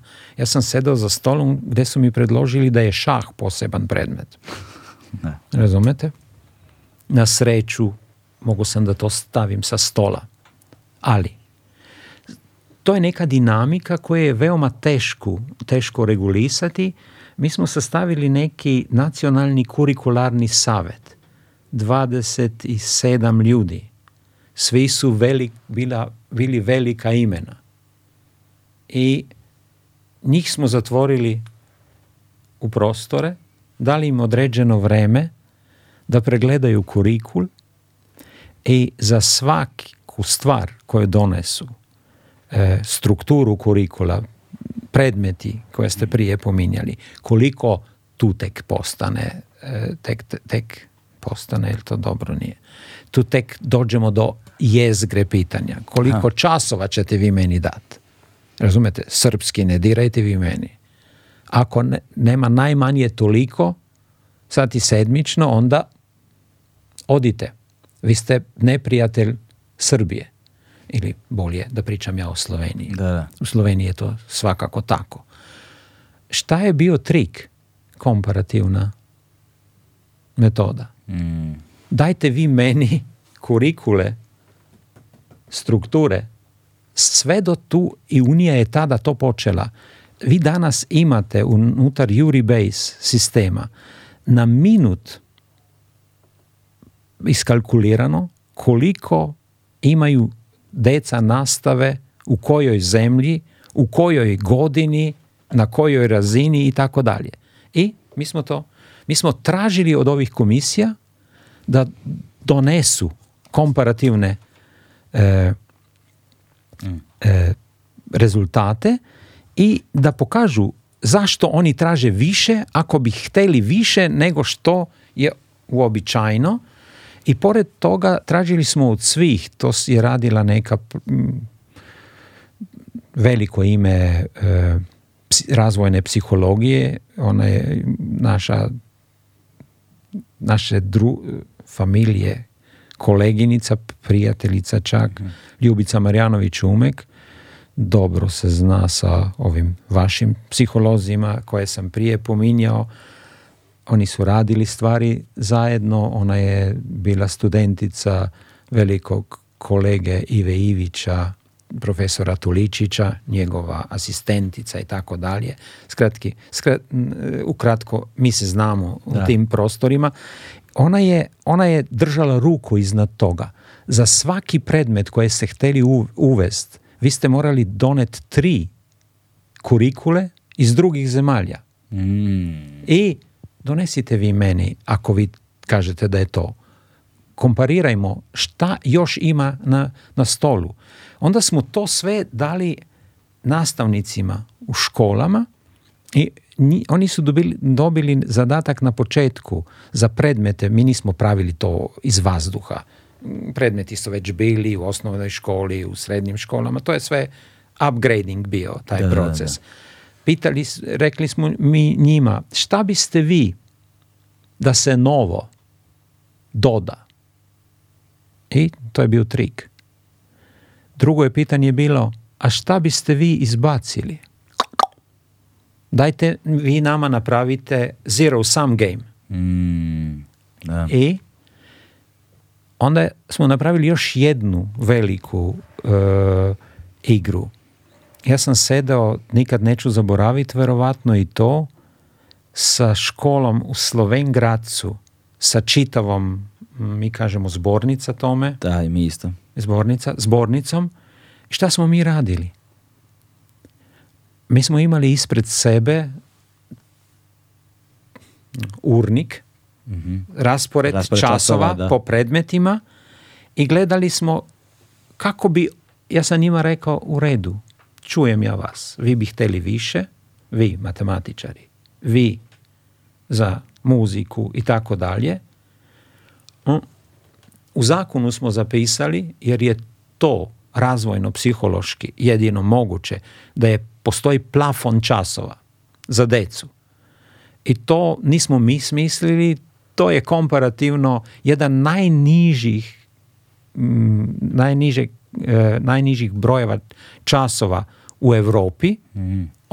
nećemo mi iznad toga, jer vi svi pričate da treba deca da imaju i vremena da se igraju, da razmišljaju, ne samo da bubaju.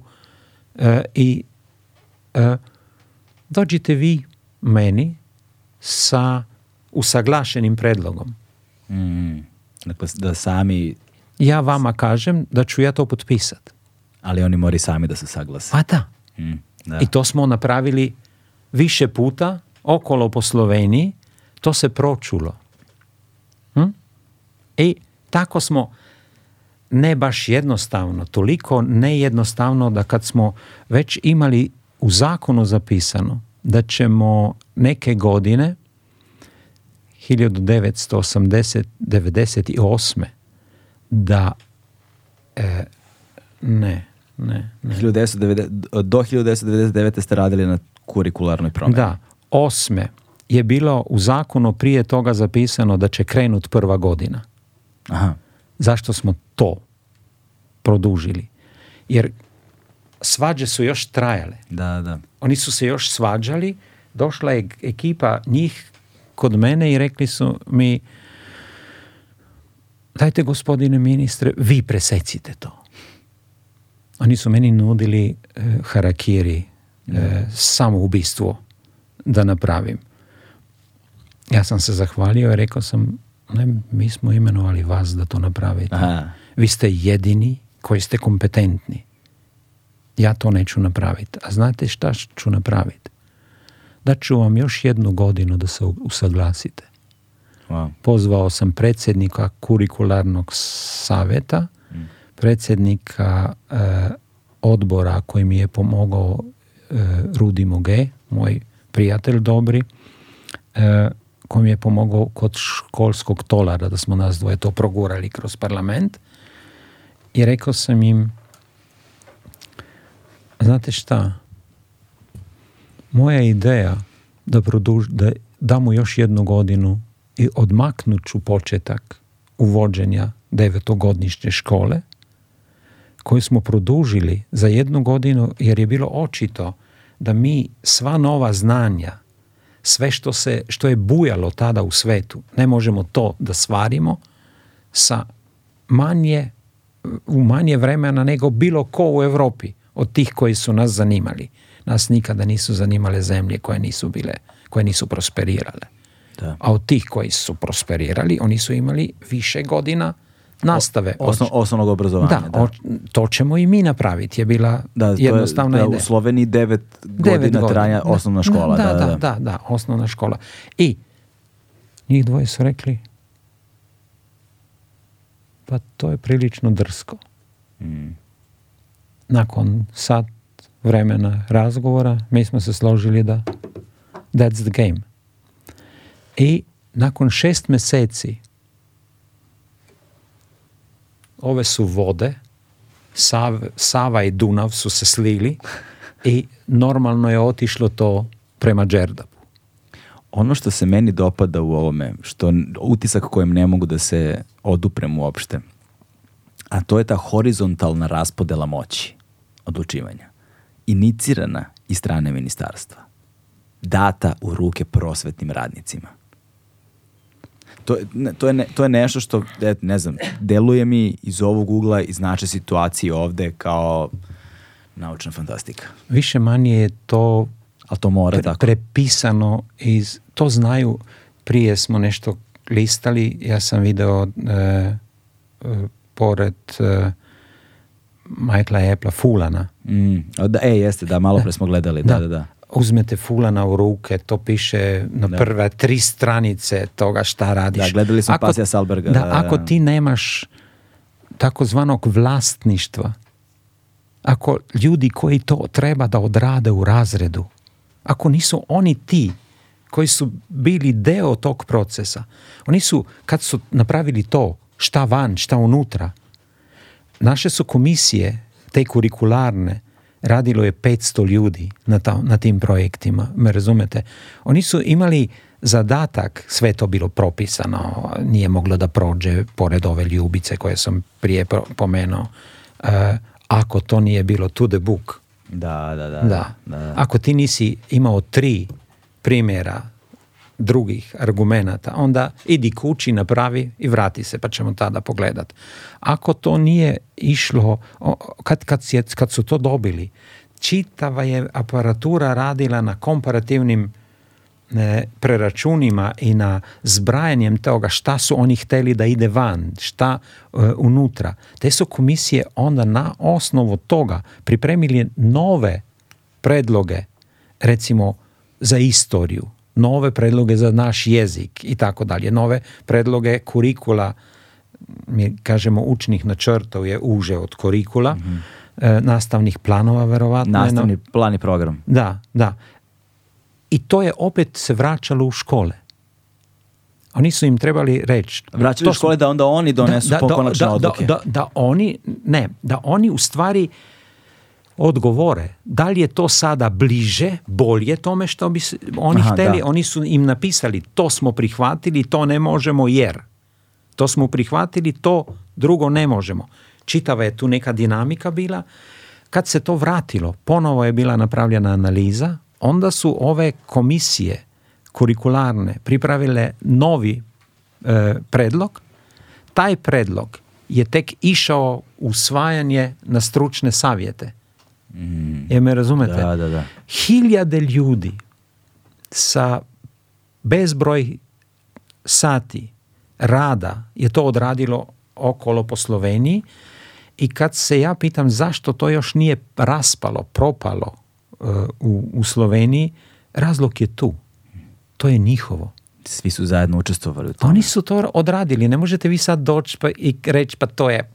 Da, da. Ne, vi dirate u to što sam ja radio. Da, da. I kad sam se ja, mi smo tražili od nastavnika i od, e, ja sam im bez broj puta rekao, sa pet hiljada njih sam samo u toj e, štori ja sedeo. Mi smo sve to, sve to. Kakvi su rezultati bili toga? Rezultati toga su bili više struki. Jedan je bio taj i za mene je bio jednako značajan. Ja sam video da oni rade s nama. Da je to njihovo, da to postaje njihovo. Drugi su bili ti da je na taj način bilo to približeno tome šta će oni htet da naprave. Razumete koliko je to ključno? Ako vi meni donesete i date mi to i kažete, e, take it or leave it, uzmi ili ostavi, onda mi smo na veoma kratkom. ako vi meni da, da e, dajete nešto što smo nas dvoje dogovorili, e onda smo mi on equal footing. Mm. Tu smo negde. Mi sad imamo zajednički ko podlugu. Podlug, podlugu, da. Da, ground. Da. da, I, onda tu, na tome radimo. To je, to je bilo zajednički teren. Zajednički teren i oni, oni, se, oni sada brane to. Da. Oni, mi smo uz to dodali stalno, stručno usposobljavanje. Pokušam da. to iz slovenačkog prevedem na vaš jezik. Nešto što je obavezno. Nešto što se mm. plaća njima. Za, zaposlene. Za, zaposlene, da. za te nastavnike. Stručno usavršavanje. I takozvane, i takozvane, šta su to, study groups, studijske skupine, studijske grupe, na, studijske, grupe gde oni se dobivaju Mm-hmm. Nađu se i, ka, i jedan drugom predstavljaju šta sam ja novo naučio, nas dvoje smo oba dvoje recimo sad ću Išli neki kurs usavršavanja da, da, da, I, razmenjujemo znanje. Da, i mi razmenjujemo znanje. Da, Vi ste nešto novo naučili kad ste bili, mi smo deo Erasmus, to je korist Europske unije i ovi putuju. Mm. Kod njih dolaze učitelji iz drugih europskih zemalja, oni putuju. I stalno se usavršavaju. I sad ovi izmenjuju to i tako idemo korak po, korak dalje. To je cement svega toga. To tek, pored novca, pored sreće, pored sistema koji ima rep i glavu, mi kažemo. I mi isto. Da. Razumete, to je cement. To mm. drži to to je vezivno tkivo, vezivno da. tkivo, da. Da, a da, li, imate nekakve statističke ili kakve god konkretne opipljive podatke rezultata koje je napravila ta reforma obrazovanja. Dakle, da li ste da, da, li, vidite na, ka, jer smo ranije govorili, dakle da je vama bilo jasno ekonomski vam je bilo jasno da nećete uraditi ne znam šta tako što ćete kao Norvežan imati naftu, da nećete imati, da su vaši ljudi vaša nafta i da samo njihovim obrazovanjem možete da pospešite celokupnu državu, celokupnu naciju.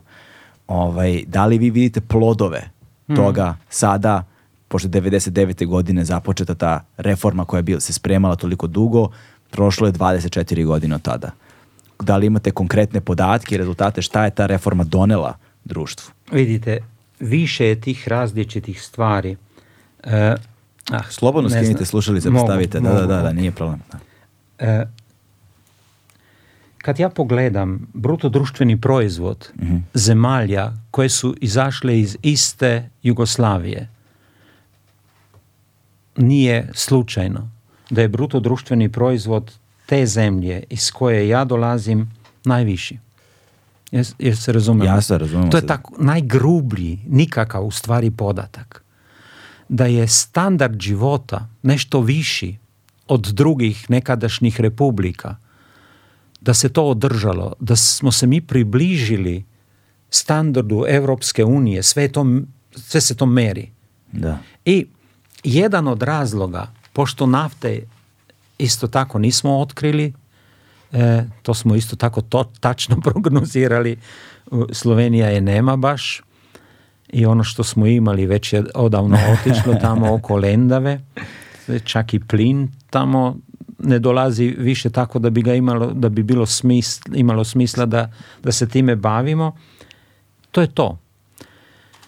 Drugo, drugi e, podatak koji je koji je relativno značajan su međunarodne studije. Mm, okay. Taj sistem je nakon toga što toga se isto tako treba, toga treba biti svestan. Kad počneš neko, sa nekom reformom, čekat ćeš, to je isto ko kad sadiš, da. potrajat će da nešto da, da nikne, da, da nikne i da, poraste. I da da plod na kraju krajeva. I da da e, plod. mi smo solidno pozicionirani u međunarodnim studijama. Mm. Naši znaju klinci e, na kraju gimnazije nisu puno puta te komparacije pravili, ali kad su ih pravili, bili su u samom gornjem delu. Da. U gor, više nego u gornoj trećini, što je bio moj cilj, naš cilj da. tada. Približi mikrofon sebi. Mi, mi smo rekli, e, u gornoj trećini. Da, nas ne zanima vrh, to nije, nije igra za nas, to, time neka se bavi Dončić i ti ljudi, a ne mi. E, I mi smo tu. Da. Mi smo relativno solidni. Napravili smo iskorak u tome da i oni koji nisu u gornim segmentima poznanju su dovoljno blizu mm. tim segmentima koje, koji su drugi cilj. Naime to da svako pređe donji prag koji mu omogućava da slobodno odlučuje kako će da živi. To je Amartya Sen. Ne? Liberty for functioning. I kad te rezultate vidite, onda vi možete reći, ok, nije loše. Može bolje? Naravno da može. Da li je to ugroženo? recimo rezultati 2018. su posljednji koji su komparativno dostupni. Mi smo tamo još sasvim ok. Ja se pribojavam sljedećih rezultata. Jer mi nismo odradili par tih razdoblja na promjenama koje su se već mogle, mogle su da se vide. Mi smo pokušali, mi, kad kažem mi, Slovenija, ne ja, mm, nego naša grupa nekih ljudi je pravila novu belu knjigu. Postoji bela knjiga 2011. koju su stavili u fioku umjesto da su napravili ono što smo mi napravili nakon tog. mm Razumete? Da, da, da, Ništa nije večno, a najmanje su sistemi edukacije. E, večno e, u smislu kvaliteta. Ako vi, ako vama promakne neko, neki prozor mogućnosti, prilike. O kojem smo govorili. Prije. E, I ako ste uhvatili neki, mi smo imali tu sreću i jedan deo angažmana i jedan deo pameti, e, odluka i političkih i stručnih, političkih na, razini zemlje. Razumete? to, da, smo mi e, uzeli e, milijarde tadašnjih dolara za to i iz godine u godinu renovirali sistem, podupirali čitav niz aktivnosti, to je bila velika politička odluka. Hmm. Jaz, da smo neki bili v prvim redovima tega, da se, moglo, moglo nas, da se smakne sa tih pozicija, redova, da. pozicija, ali neki ljudi niso odločili za to. Kombinacija te osobe, ki sem jo že par put pomenil, i vodila je te vlade i tih koji, sa kojima smo mi blisko sarađivali. Tolar nije mogao past. Zašto ne? Jer je bio raspoređen ravnomerno koristi po čitavoj zemlji. Kad vi dođete u rogašec, rogatec ili bog zna u neko selo, vi ćete tamo vidjeti sličnu opremu nego u školi u, ko, u školi u Ljubljani. Mm. Zašto? Jer je nama bilo jasno da samo nam još to treba. Da pošto, smo se smanjili na Sloveniju, da, mi, da se mi smanjimo na Maribor i Ljubljanu. I tako je kraj ove nacije. Mi smo namerno okolo po, i to je jedna zanimljiva, zanimljiv pristup bio tada, Mi smo karavle na granici Slovenije s Avstrijo, eh, Mačarsko in eh, Italijo preusmerili v škole, v prirodi, renovirali in tam en del nastave vsake godine, mislim, da jih je oko 30 takih mesta oko po Sloveniji, klinci odu, druže se, uče. I tu su i nastavnici i osoblje koje se brine za sve to. Ideja je bila e, decentralizirano sa što više je moguće svih ljudi, za što više je moguće više ljudi.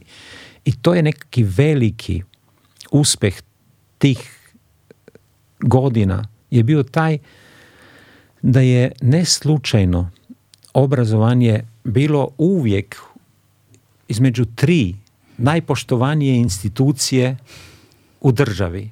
To ne dođe sa vetrom ili... Da, ne pada s neba. Da ne pada s neba. Na tome se radilo. Da, to, I tu je bila volja relativno široka. Vi sedite sa osobom koja je bila slučajem prilika tada tamo. Ali da nije bilo svih tih hiljade i hiljade ljudi koji su to hteli, to ne bi išlo. I mi smo pokrivali spektar od pre primary, od vrtića, da, pre, od vrtića, da, od vrtića pa do obrazovanja odraslih. Mm. Nama se podigala razina obrazovanja i ovih najstarijih i ovih čak u mojim sadašnjim godinama. Oni su šta napravili? kad su vidjeli da postoji prilika da dobiju nešto više, i država je to podupirala i financijski, oni su išli i napravili to što nisu napravili neki veliki broj njih je negde ostao na kraju srednje škole je bila situacija u Sloveniji. I mi smo njima omogućili da naprave još to što im je falilo. Taj korak jedan. Taj korak. Oni što su bili na kraju više škole i nisu napravili. Oni koji su bili na kraju fakulteta, tako smo mi podigli, to je još jedna statistika, pitali ste me za statistiku, koja se pokazuje. Ja naravno imam ispred sebe komparativnu statistiku vaše zemlje i moje zemlje. Se razumemo.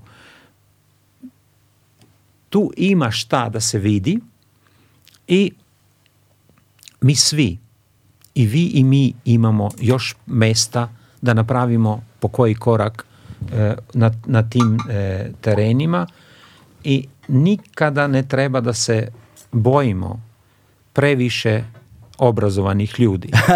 Ja čujem, čujem to i za Srbiju. Tu tezu ja sam je čuo bezbroj puta u Sloveniji. Mene su ovi šta su to, deputati, ja kažem, ne znam da li to nešto znači na vašem poslanci su to kod nas. Poslanici. Da, u, u parlamentu. Da, poslanici. Oni su sa mnom raspravljali jednom žustro u različitim grupama. Ja sam imao i tu naviku da sam sa svojom ekipom išao u svaki od tih klubova i zaslanika. Jednom je diskusija u jednoj najžešćih tih grupa bila – zašto mi toliko tih ljudi šaljemo u škole koje su srednje škole, četvorogodišnje? A nama je, trebaju ovi manualni radnici. zanatlije, da. Da, zanatlije. I šta sam ja napravio? To je to, taj deo zvitosti ili A, bog zna Pre, prepredenosti. Da, da, da. Ja sam rekao, pa to je interesantna ideja. Ajde da vidimo ko od vas tu, ko od nas tu, od nas, sebe sam više manje uvijek implicirao da bi bilo to i žešće. Ko od nas ima sina ili kćer u dvogodišnjoj srednjoj školi, mi znamo da mi imamo te programe u Sloveniji. Ajde da vidimo. Niko. Nula. Nula. Ko u ovom klubu ima sina ili kćer u trogodišnjoj zanatskoj školi? Nula. Nula. E, ljudi moji, anketa je već... Obavljena. Da, obavljena. Vi ste glasali. Mi smo svi glasali.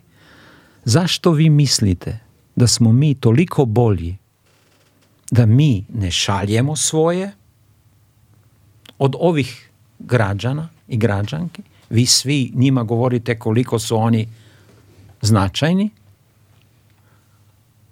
da oni bi, pa, oni bi trebali. Ja njima treba da zabranim da šalju svoju decu u četvrogodišnje programe. To je tada bio trend. I tako smo mi završili diskusiju. I držali smo neka srazmerja, financirali, podupirali, stipendirali. Recimo, neću zaboraviti, moj je kolega bio direktor e, željezare Raune. Nas dvoje smo dogovorili da ajde, mi polovicu, polovinu novca za stipendije za iduću godinu, za metalce gore, on. Kad, ako da on, ne znam, sto jedinica, ja ću dodat sto sa mhm. strane države i mi smo lako skupili dovoljno novca. Šta vi mislite? Koliko smo mi tih stipendija stvarno podelili? Ravne su bile tada na rubu toga da ih zatvorimo. Mi smo milijarde novca bacili u tim, tim našim tolarima tada u to da smo tri željezare verovatno neki od vaših ljudi još znaju da su to bile željezare jesenice, ravne i štore su naše tri željezare bile, da smo to zadržali nad vodom. Tada je teško bilo, bilo koga e, na neki način pridobiti zato da, da ide u te škole. Da. I danas nije lako. Zašto? Jer ne dešava se samo kod vas, dešava se i kod nas i dešava se još i više u tim nordijskim zemljama. Ako je zanat suviše e, zahtevan, traži suviše tvrdog rada i neće ljudi da rade. Da. Mi u Sloveniji recimo imamo velikih problema u turizmu sa radnicima tamo. I e, to što smo mi napravili, jer je turizam bio sa lune, sa, sa meseca verovatno, sa meseca očito jedna od mogućih prioriteta razvoja zemlje, i to je danas, isto se tako vidi, mm. najskuplje škole koje sam ja otvarao nisu univerziteti, e, mi smo za razliku od vas blokirali privatne te vele majstore koji prodaju maglu umesto da bi tamo stvarno tekli dobri studij. najskuplje su bile škole za ugostiteljstvo i koje su imali svu opremu. Ja sam stajao u kujni škole u celju mm. koja je skuplja od osnovne škole. Razumete? Da. Next by, tamo negde blizu. I tada mi je bilo jasno E sad, ako vi ne napravite od toga nešto za taj turizam. I sve to, pa to dobro. je tu. Zato ali, sada imate jednu Anu Roš. imamo Anu Roš, ali nama fali kadar. Zašto? Jer su ovi naši u, u gostiteljstvu, koje je privatno naravno, mm. bili toliko mi kažemo da, os, oskogledni, da. narrow-minded, da. Da, da, da, da, da, da, da, usko ogrudi. Da, da, da, I ne vide. Usko su posmatrali. Da, da, ne vide, ne vide dovoljno. Po, nisu, vidjeli, posmatrali veliku sliku, širu sliku. Ti misliš da će ti ljudi radit za mi kažemo kikiriki. Da, za pinac. Za male pare. Da, za male pare. I oni će e, da ti dovode nove goste. Kad ja vidim da je nekom tu konobaru teško da mi donese piće ili hranu, e ne vraćam se ja u taj lokal. Da. Nisam toliko, mi nije teško u životu da bi to trebao da, trpim. Ne sređujem ja to. Isto važi za Sloveniju, za Hrvatsku, gde se krećem, bilo gde po mm. svetu. Ne ulazim u, to. I ovi bi hteli to na taj način. Šta nam treba? Nešto više balansa u tome ko bi hteo šta da uzme sa stola. Tako da mi imamo velikih problema i u tom sektoru. Puno vaših ljudi radi u Sloveniji. Slovenija što se toga tiče funkcioniše kao tipična zemlja koja uzima zapadno europska zemlja koja uzima, radnike, da.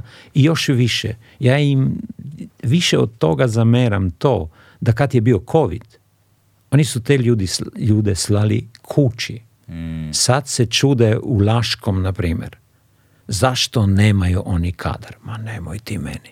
Nemaš ti kadar, gde ti je pamet bila kad, kad si ih imao. da, da. E, on je hteo da prištedi ti, uštedi tih, ne znam. Koliko eura? Da.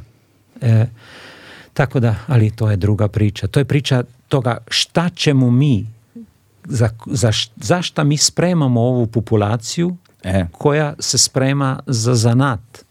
E sada, kad govorimo o spremanju populacije, tu govorimo i o spremanju ne samo za zanat, nego i o tome šta nam savremene tehnologije donose danas. Da li mi, kada smo postavili pitanje škole, kako zamišljamo školu danas? Šta je škola budućnosti? Šta je neophodno? Da li, smo, da li se nalazimo na pragu da je neophodna nova reforma obrazovanja? Mi sad mi nemamo ni dakle sad ja, ja, ja se već prebacio u Sloveniju, da li, da li, da li ali to bih ostavio za nešto kasnije. Samo hoću prvo da se vratim, evo pomenuli, pomenuli ste malo pre da ste stopirali privatno obrazovanje. Ali pitanje privatnog obrazovanja je legitimno pitanje. S jedne strane. S druge strane, još dva pitanja koja sam evo ovdje ja naglasio, kojem kojima smo mi razgovarali, pitanje religije i pitanje stranih jezika, kada su rađene reforme. E, ako počnemo sa privatnim obrazovanjem, mi smo uveli mogućnost, legalizirali, sufinansirali privatno obrazovanje, ali regulisali. To znači, vi možete da dobijete 85% novca za svakog džaka u srednjoj školi koju vi organizujete i vodite. Trebate imati kadar, program koji je potvrđen i naravno dovoljno đaka. I trebate taj deo novca kojeg vam mi ne dajemo sami da šta kaže to provide. Da obezbedite. Da obezbedite, da. Da obezbedite taj novac. I naravno E, ako hoćete nadstandard, obično to hoću, mhm. hoće ti ljudi, onda i to vi obezbeđujete. Sami obezbeđujete. Da. E, to je civilizovano. To je čak i dužnost zemlje da obezbedi po međunarodnim paktovima. Vi morate da obezbeđujete e, mogućnost privatnog obrazovanja, ali ne nije vaša dužnost kao zemlje, kao države, da to iz javnih financija finansirate. Mi finansiramo 85% novca. Tu je crkva čitavo vreme htela 100%, neki privatnici su hteli iz toga da prave novac iz javnog novca. Na sreću, mi smo do sada u različitim bitkama još uvek zemlja koja ima to uređenje kojeg sam vam baš no. sada e, opisao. E, Švedska je tu pala na ispitu. Oni su omogućili sa tim neoliberalnim desnim politikama da vi čak uzimate jav, javne novce, ne upotrebite ih za, ško, za školovanje, za tu decu za koje je taj novac bio dostavljen, nego vi delite profit.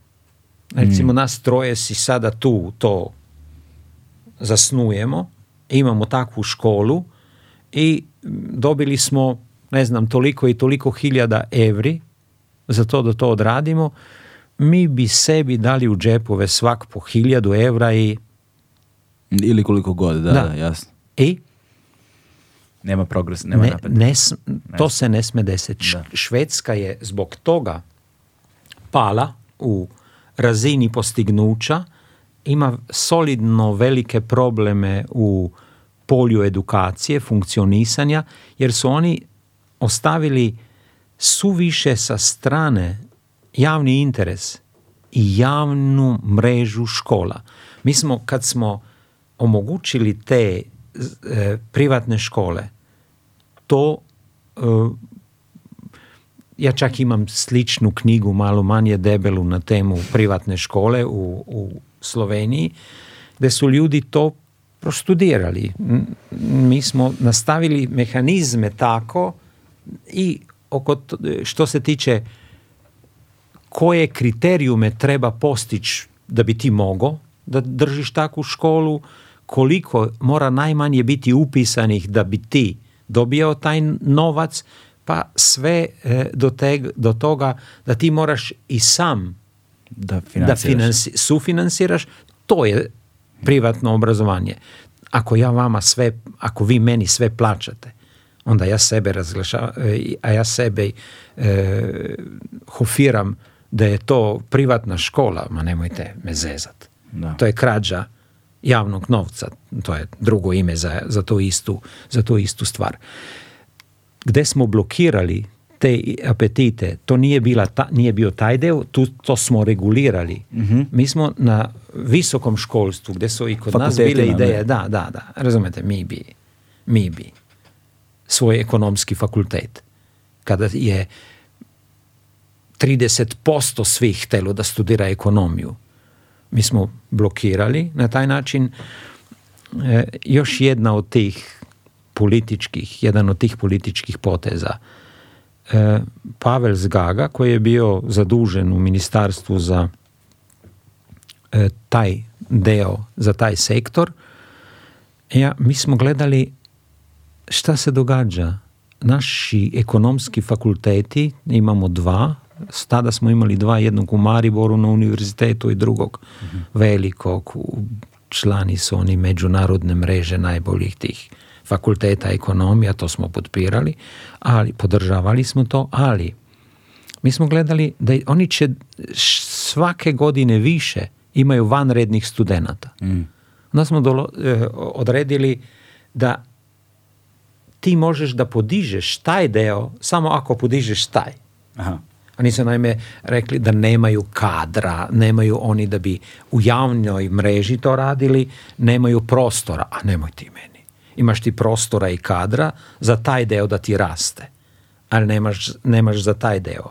I to je bila blokada administrativna, bez milosti, sa svađom i sa mojim kolegama ministrima u vladi e, koji su isto tako ne, ne jedan deo njih je bio iz tog fakulteta ali na kraju smo to izdržali jer su opet ljudi oko nas to razumeli te vlade su bile relativno solidne vlade ne pre svega selfi vlade ili bog zna šta sličnog, nego e, normalne vlade koje, koje su imali zemlju e, kao prioritet. Što se jezika tiče, već smo puno toga rekli. Nama je bilo jasno da ako ne brinemo za naš jezik, onda nas nema. Čao tuti. Jedna od prvih velikih grupa koju smo formirali, na čelu koje je bio Matjaš Kmecl profesor, doktor, akademik i bog zna šta sve. Ništa od toga nije bilo slučajno. Mislim, kod njegovog izbora, to je veliko ime toga. On je oko sebe skupio grupu koja je pobrinula za modernizaciju našeg, naše nastave od e, šta je to? Grammar. Gramatika. Od gramatike od gramatike pa do literature, on se mm. time pre svega bavio, tako da smo za to pobrinuli. Onda smo formirali poseban centar za naš jezik kao stran jezik. I to država financira okolo po svetu za naše koji su tamo i za strance koji studiraju i nevjerovatan broj je tih koji su spremni tako mali jezik što se tiče broja ljudi E, studirati i spremat se. Imamo svakogodišnje letne škole i tako mhm. dalje. Ali sa druge strane, kod nas je bila Maggie Dar Impel, neka englezinja, koja je s nama radila godinama na podizanju razine znanja naših nastavnika engleskog. I mi smo Jaz sem lično išel v Englesku in razgovarjal s British Councilom, da smo doveli native speakers, nativne govor, govorce, govornike. Mhm. Govornike, da, ljudi, ki govorijo. Da, govor, mater, njihov je, ma, da, je engleski.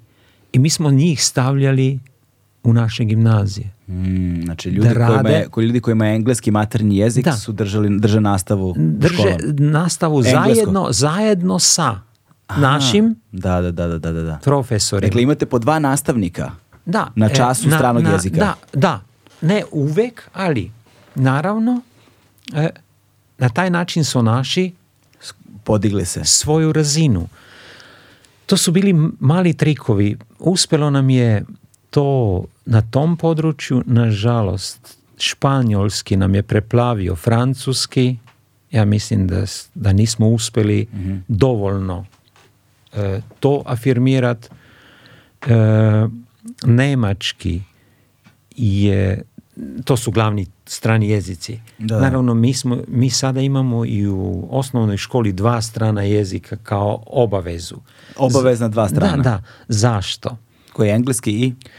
Drugi e, sami se odlučuju Aha, koji je i, prema školama i prema školama Aha, i, i, ako ima škola dovoljno jer problemi su nastavnici razumete vi nemate bezbroj nastavnika čak ni vi koji ste u jednom delu profrancuski orijentirani e, nemate verovatno dovoljno da bi po svim školama imali te nastavnike jasne. mi imamo još manje toga i zemlje kojih je kojih jezik, jezike smo mi promovirali, same su došle i ponudile su nam ruku i one podupiru to. Mm. E, nama je bilo kristalno jasno, ko što kažemo, e, da mi neće druge nacije poče da govore naš jezik. Ma nemojte.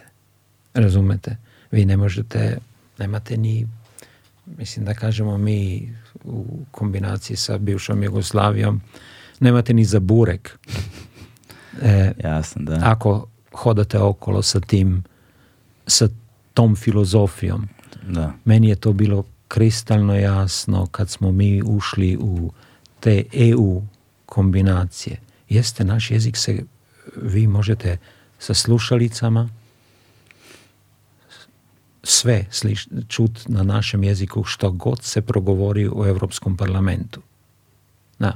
Ali. Čim izađete napolje? Čim izađete napolje, čim počne stvar stvarno uz, ne znam, Stelu Artois near the parliament in Brussels, then they speak either French or English. Da, da, da. I da li vi to znate ili ne, to je vaš problem, ne njihov. Sad, sve to je bilo što se jezika tiče i šta ste još pomenuli? Religija. Religija, au, au, moja, vidim da bežim, da. to me za malo koštalo svega, jer kod nas je katolička crkva mhm. veoma jaka. Čujem da su vaši, e, ne baš katolički, e, nego, jasno, pravoslavni isto tako veoma utjecajni, kažu mi moji kolege tu, da i previše u njihovim očima. Naravno, oni su hteli konfesionalnu nastavu, gdje vi pripremate ljude za konfesiju, ne za bilo koju, za njihovo naravno. Da. Njih nije bila briga šta ćemo mi sa Hara Krišna e, ljudima koji plešu po Ljubljani i svake subote možete ih tamo sreći. E. Još ih je manje bila briga šta ćemo sa protestantima koje mi imamo u delu uz mađarsku granicu. Protestantizam je u Sloveniji bio deo početka naše kulture. Mhm. još manje muslimanima nema o muslimanima je bila je, pisalo njima kad su došli, dolazili kod mene.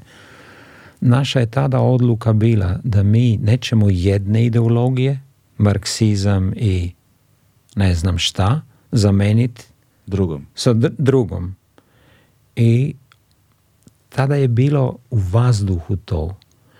Mi smo više puta merili javno mišljenje, nikada nije palo ispod 70% podrške našoj ideji da u školama nema verske nastave. Ne. Ima, moguće je nastava i mi imamo i kurikul i šta je, nastavni plan, i program, za eh, elective subject, izborni, izborni predmet, o religijama. mm Gde vi možete da izučavate šta je pet najvećih, mhm. jer za sve je taj svet da, više suviše, komplikovan, komplikovan što se toga tiče, pet najvećih. I mi smo se čak dogovorili sa tada meni čak dragom, dragom sa dragim nadbiskupom uh, koji je bio rezonabl Da, razuman čovjek. Razuman čovjek da ćemo zajednič, zajedno podupret država i oni taj tip predmeta. A, On je bio za. Onda je došao novi vetar iz Vatikana, novi archbishop, nadbiskup, nadbiskup verovatno da. I taj je hteo da uvede veronauku u školu. Mm. Naravno, kad smo se mi sreli, kraj odmah. Ja sam mu rekao, rekao sam naravno, ne, to što sam rekao njemu manje je važno. To što sam rekao javno je, to se neće desiti. Dok sam ja tu nikada. Znate, sad vam je jasno. Zato sam, zašto sam jedva ostao živ. Da, da, Kad sam to rekao, javno, javno, već se znalo prije da ne. Da mi ćemo imat o verama, da, ja i sada mislim da bi bilo dobro da bi kod nas više ovih e, u zadnjem delu osnovne škole gdje mi imamo sistem od, e, iz izbirnih predmetov, da, izbornih predmeta, da. predmeta, da bi više njih slušalo to, da bi mi imali više kvalificiranih ljudi koji to mogu da predaju. Mm. Ne može, ne znam, vi, ja za sebe znam da ja ne mogu svih pet ovih religija glavnih da predajem tako da to ima smisla. Da. Znači, to treba formirati. Ali ne, teološki fakultet nije smogo snage, naravno pod poduprt sa novim e, nadbiskupom, e, da to odradi zajedno za odelenjima, za sociologiju, religije i tako da, dalje, tim e, ta vrsta e, kompromisa nije dolazila u obzir. Tako da tu smo negde stali. To nije urađeno, to nije dobro. Mhm. Naročito vi ako pogledate okolo po svetu jasno vam je da ne samo u našim zemljama.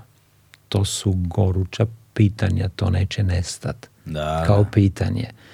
I da li je bolje da je ljudi reflektirano mhm. se ponašaju u tim zonama ili nereflektirano, to je retoričko pitanje. E, sad me zanima u vezi sa time, evo kad smo se već dotakli, e, imamo trenutno situaciju u Gazi kakvu imamo a, imamo naše lokalne krize ovde kakve imamo. Imamo globalna pitanja goruća uvek na tu temu. Kako, da li vi imate neki princip, neki sistem, kako se te teme pokreću u nastavi? Najbolja od zemalja e, po meni poznatim stvarima što se toga tiče je Danska. Oni su najdalje došli, došli tome i princip osnovni imaju isti ko što ga imamo i mi.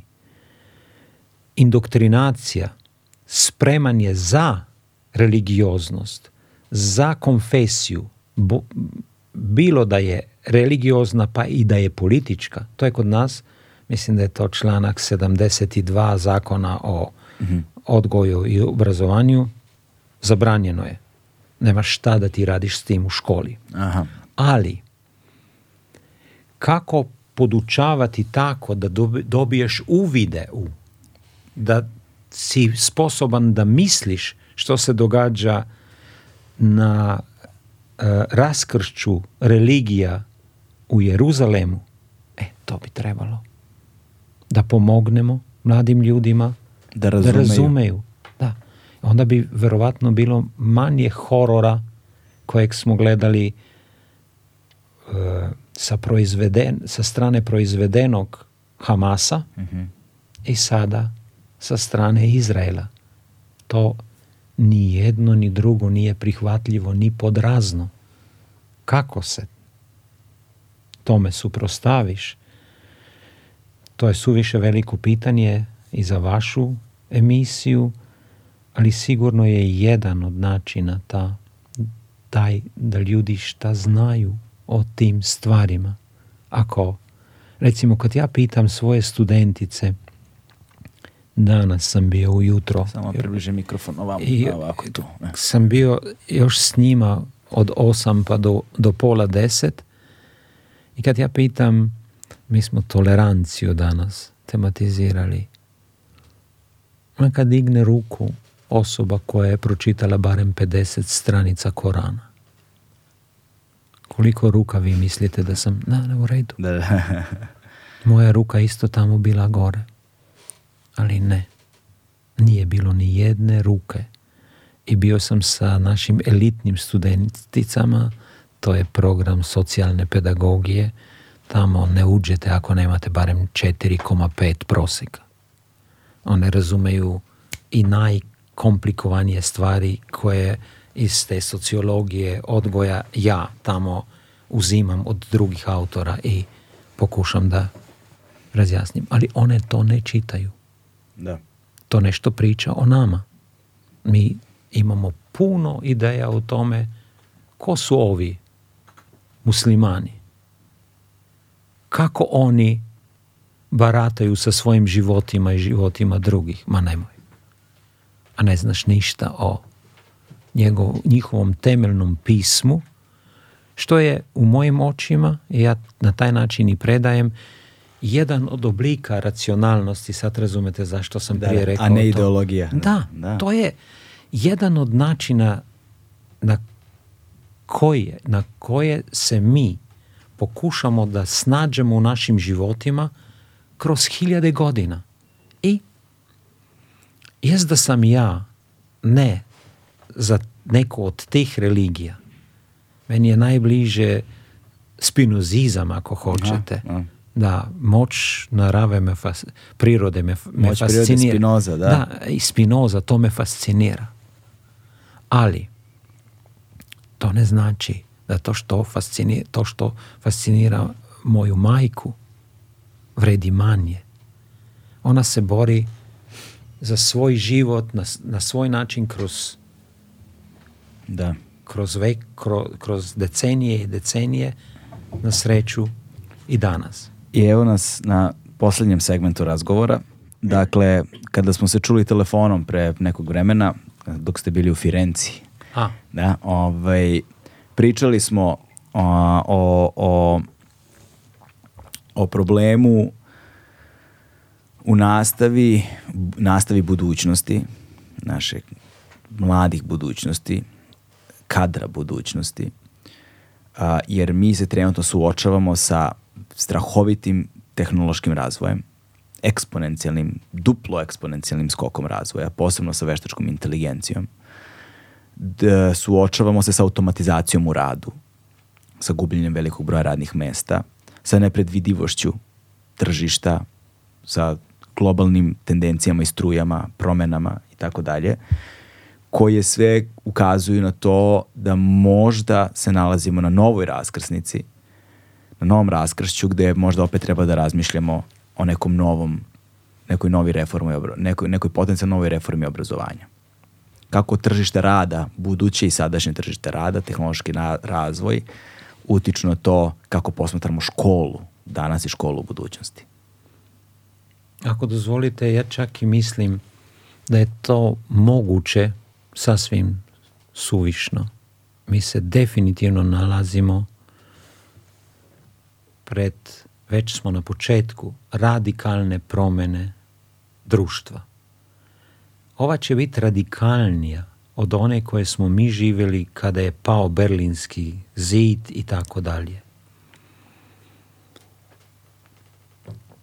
Jasno je da taj segment kojeg ste pomenuli, e, veštačka inteligencija, digitalizacija, to nije nešto čime se može neko samo pozabaviti i bit će. To je toliko ozbiljna promjena kad joj dodamo još i to da je klasična ekonomija takozvanog e, Hmm. Wage labor je šta? A, nadničarskog rada, Da, rada u kojem koji pokreće kapitalizam. Mhm. Jer to što neko uradi, neko drugi može kapitalizirat, da to neće izdržat. Još jedan krug. Neće izdržat e, zbog granica planeta. Pre svega materijalna produkcija nema više mesta u toj liniji. Nema Post... resursa više. Da, nema resursa. Ili, I to dve vrste resursa fale. Jedna je ta materijalna okolo, zbog toga neki trče po Srbiji i rudnike bi toga i toga. Da. Ali druga, koja je manje vidljiva, ali jednako je opasna, mi koristimo i resurse prirodne u nama, ljudi u sebi. Nije slučaj da vi e, beležite o tome razgovarati u nekim drugim vašim podcastima velike napet šta tenzije verovatno da, da napetosti Može napetosti, tenzije, da, može napetosti. Da, da, ja ne mogu ni da, naglasim ko što bi trebalo. Nema veze, e, savršeno. E, tenzije, tenzije e, unutar razreda, mm. unutar familija, Jest. mi nećemo istršati sve to. Da, da, da. To I ste ta, jako lepo I to pri, ta priroda je na ivici još održljivog. I sad, mi smo pred odlukom da li ćemo sa promjenom edukacije pomoći sebi da izađemo na onu stranu decenija kroz koje ćemo tragat za novim, kakvo će to bit, šta bi trebalo biti, ili pak ćemo sebe da uništimo kao planet ili planet će ostati neka... Nas neko, biti. neće biti takozvani, kaže, e, veoma dobra, e, dobro, šta je to, izvešta, ne, poročilo. A, poruka. E, da, u stvari to je međunarodni UNESCO dokument Reimagining mhm. Our Futures Together for New Contract on Education, Social Contract on Education. Oni tamo kažu, neće biti više živog planeta. Da, da, Se razumemo. T tok na kojem ljudi žive i dominirali su. Mm. E, Znači, nama je, nam, nama kroz obrazovanje neophodna neka nova forma društvenog ugovora. Društvenog ugovora o tome gde, gde bismo mi?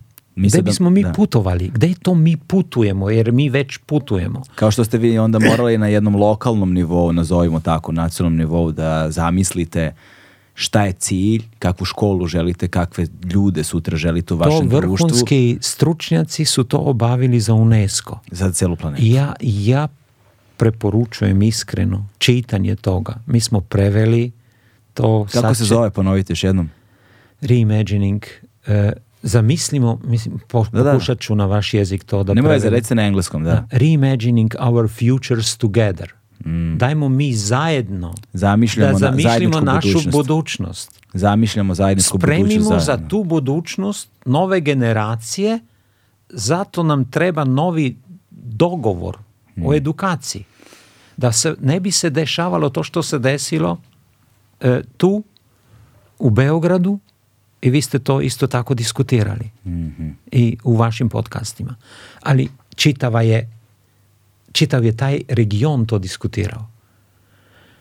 Eh, kad, kad ja to posmatram sa strane, razumem diskusije tu, ali ta diskusija je veća od vaše diskusije. Mi sebe guramo, svoju decu guramo do granica mogućeg. I sad, da li imamo smelosti da to promislimo? Da priznamo, priznamo in da promislimo, kako. Je pitanje je ono isto, ko je bilo, e, mi to nečemo, ok, that's fine. Ali šta hočemo? Kažite mi to. To je pitanje. To je pitanje za, taj, za to človečanstvo, za ta UNESCO planet, ali je pitanje i za Srbijo, pitanje za Slovenijo, Hrvatsko, za Makedonijo, za za nas, koji nismo toliko veliki kao što je Nemačka recimo. Mm. Ja sam kad sam komparirao te bruto društvene proizvode pogledao i to. Sa čime oni raspolažu, naravno treba uvijek znati svako ko ima i veći bruto društveni proizvod ima i toliko veći broj problema i kompleksnost je toliko gadna da bi nekad čovjek želeo da da je to, da je to, da je to. manje. Da, ako je moguće neka taj kelih prođe pored mene je nešto što izlazi iz neke od tema koje smo prije e, kojih smo se prije dotakli. Tako da da, recimo u Frankfurtu kojeg smo par puta pomen, e, pomenuli danas m, Slovenija je dala na sto manifest za, šta je to, zahtevno branje, demanding reading. Mhm. Okay, da, zahtev za čitanje. Zahtevno čitanje. Da, aha, zahtevno ono što, čitanje. Da, ono što nije, ono što nije, nije lako. Da, nije TikTok, nije, da, da, nije da, da. E, ne znam, Twitter ili, i Bog zna šta. Da. E, zašto? su to naši sa međunarodnim krugovima na, naravno pripremili.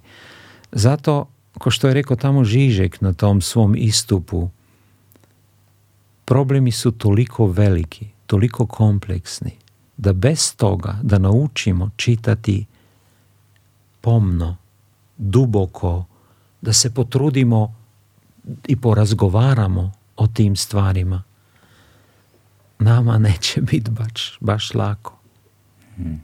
I ako ćemo to napraviti, bit će, opet tražim reč, kao što uvijek, demanding. Zahtevno. Zahtevno. Oh, Jesus Christ, kako je to jednostavno. Hmm. Zahtevno ne, da nađemo put na onu drugu stranu moje kolege, velika imena sociologije, napisali su knjigu 12. godine sa naslovom Imali kapitalizam budućnost? I njihova je teza ne.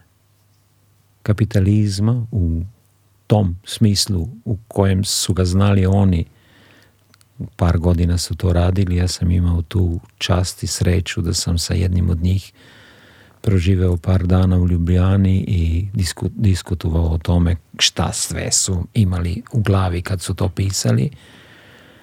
Calhoun je bio taj, to je bio tada direktor lsi u Londonu i oni kažu ako bi hteli jedan deo dobrih elemenata kapitalizma, nemojmo se zavaravati, doneo je puno toga dobrog da zadržimo, onda to treba radikalno reformirati.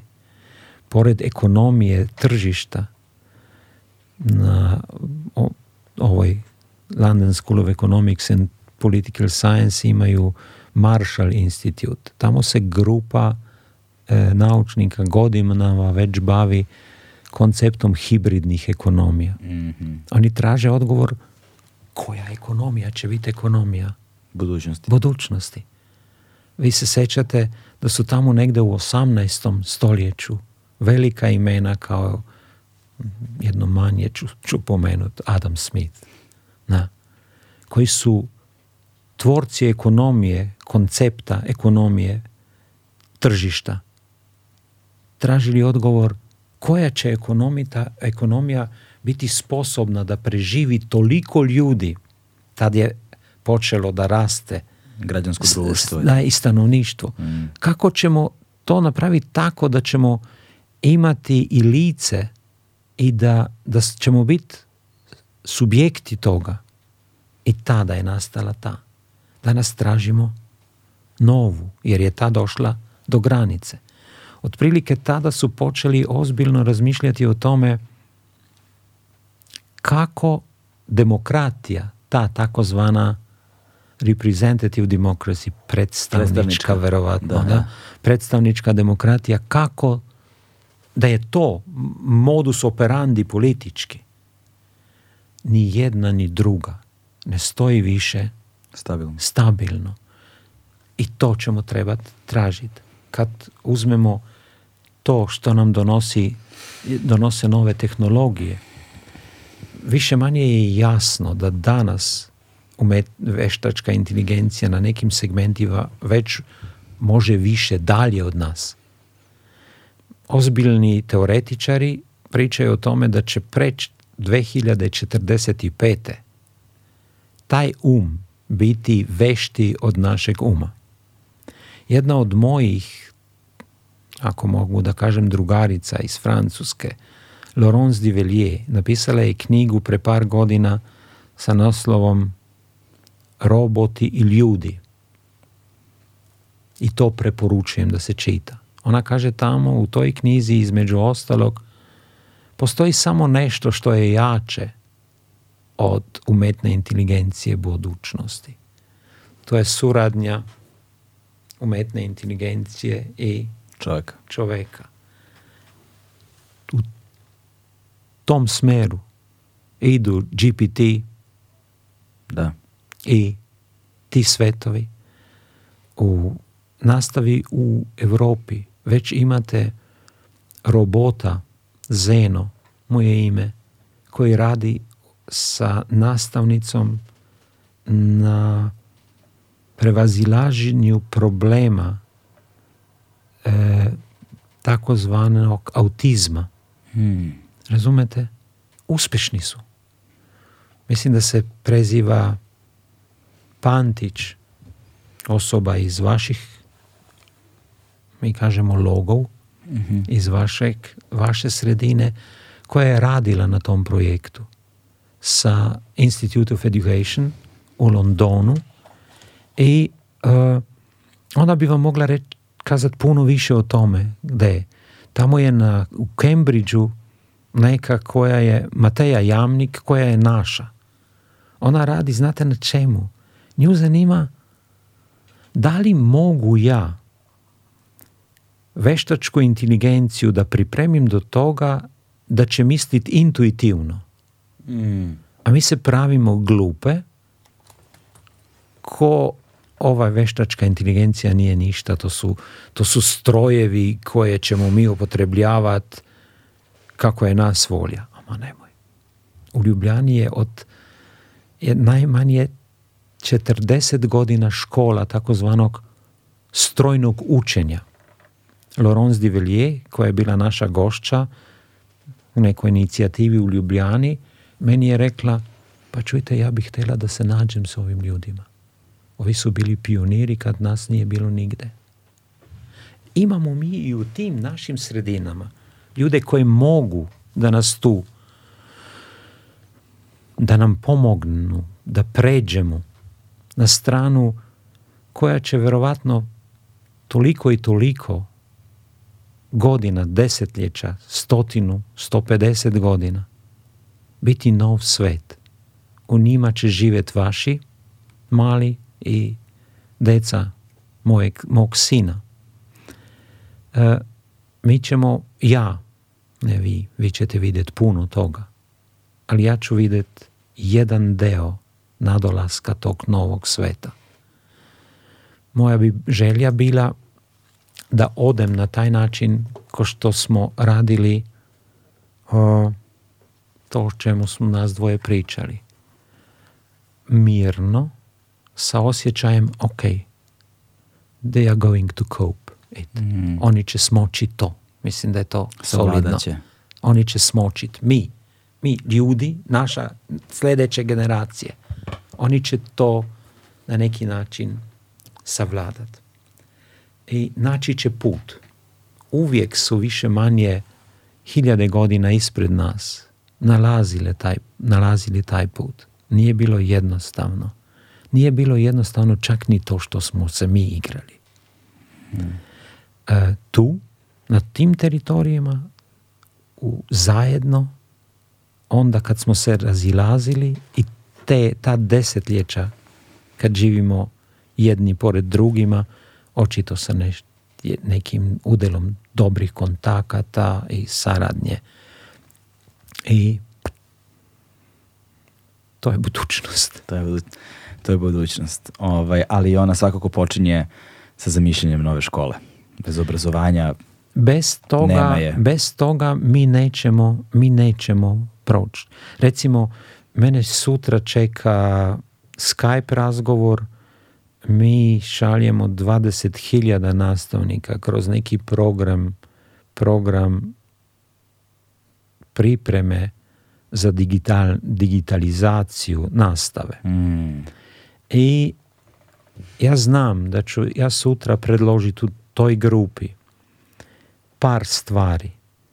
Jedna koja me stvarno zanima je da li naši stručnjaci, oni za čitanje, oni za e, literaturu, umeju da naprave program koji će umet da uzme dobro tog brzog, relativno površnog, rekao bi Iva Ivić, mm i naravno rekao bi i Kar, i to isto, shallow mind, tog površnog razmišljanja, kako to udružiti sa produbljenim mhm. čitanjem, sa raspravom nastavnice, sa ovim malim klincima koji će preko ovih naprava.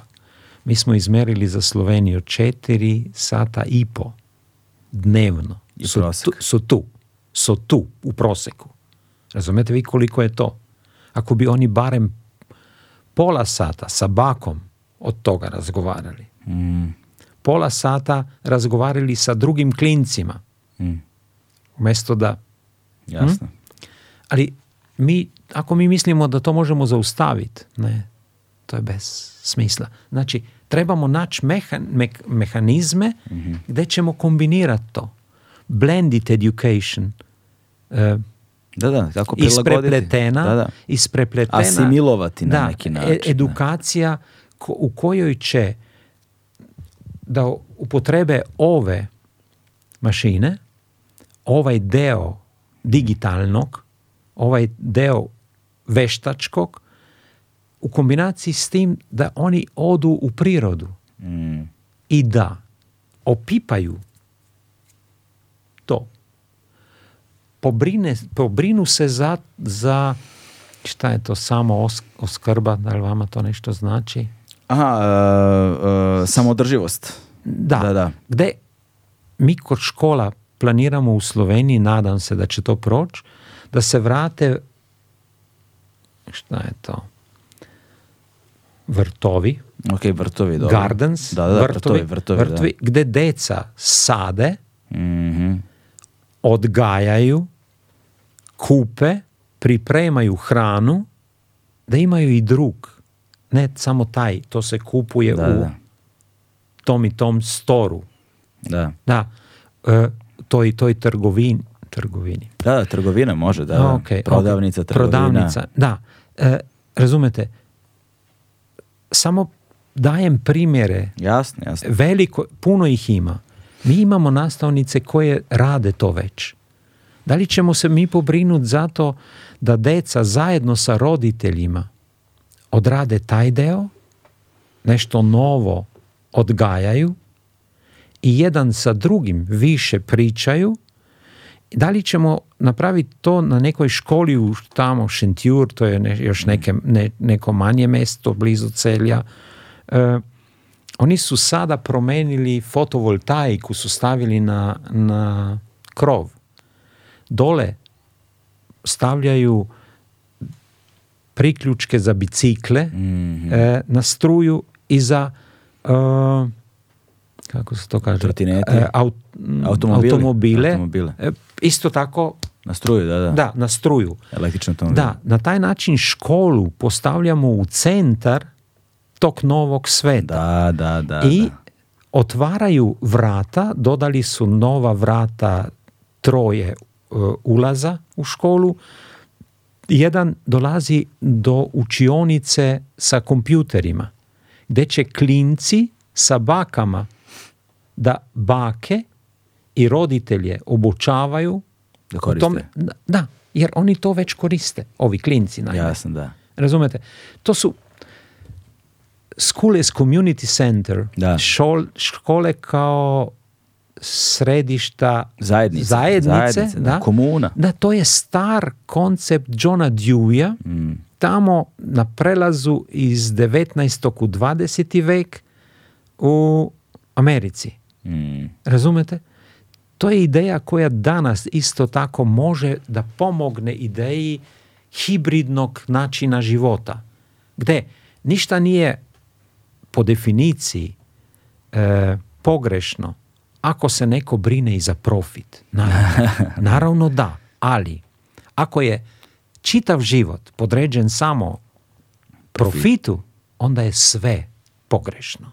Da. E se razumemo. razumemo se. I zbog toga recimo je razmena dobara u školi u Škofijoj Loci, na primjer, mhm. Loki, koja je e, takav primjer sa kojim smo mi radili u nekom projektu, gdje oni donesu svoje cipele za planinarenje, svoju opremu i šta naprave? Rotiraju. Ovi stariji, dve godine stariji, to daju Mlađima. mlađim klincima. I u školama se e, kreće razmena stvari. Razmena stvari, razmena znanja, iskustava, iskustava i na različitim tačkama, to je jedan deo mogućeg šiftan, šiftovanja da promene e, po... u edukaciji za društvo koje nas treba, ponovo rekao bi Emil Dirkem, društvo nas ponovo treba. Kad ja čitam, išao sam i da pogledam, postoje ta tri, e, tri bele knjige UNESCO, Prve su i prva iz 70-ih godina.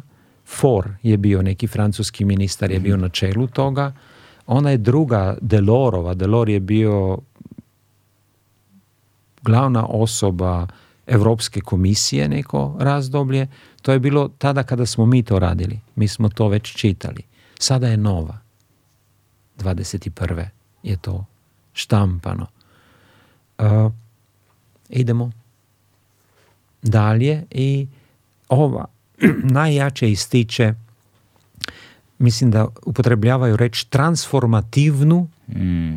ulogu edukacije. Znači, mi ćemo biti još jače pozvani, što će više biti problema. Više puta ćete vi razgovarat ko što ste razgovarali u nekom podcastu. Šta je to? Šta bismo trebali? kde.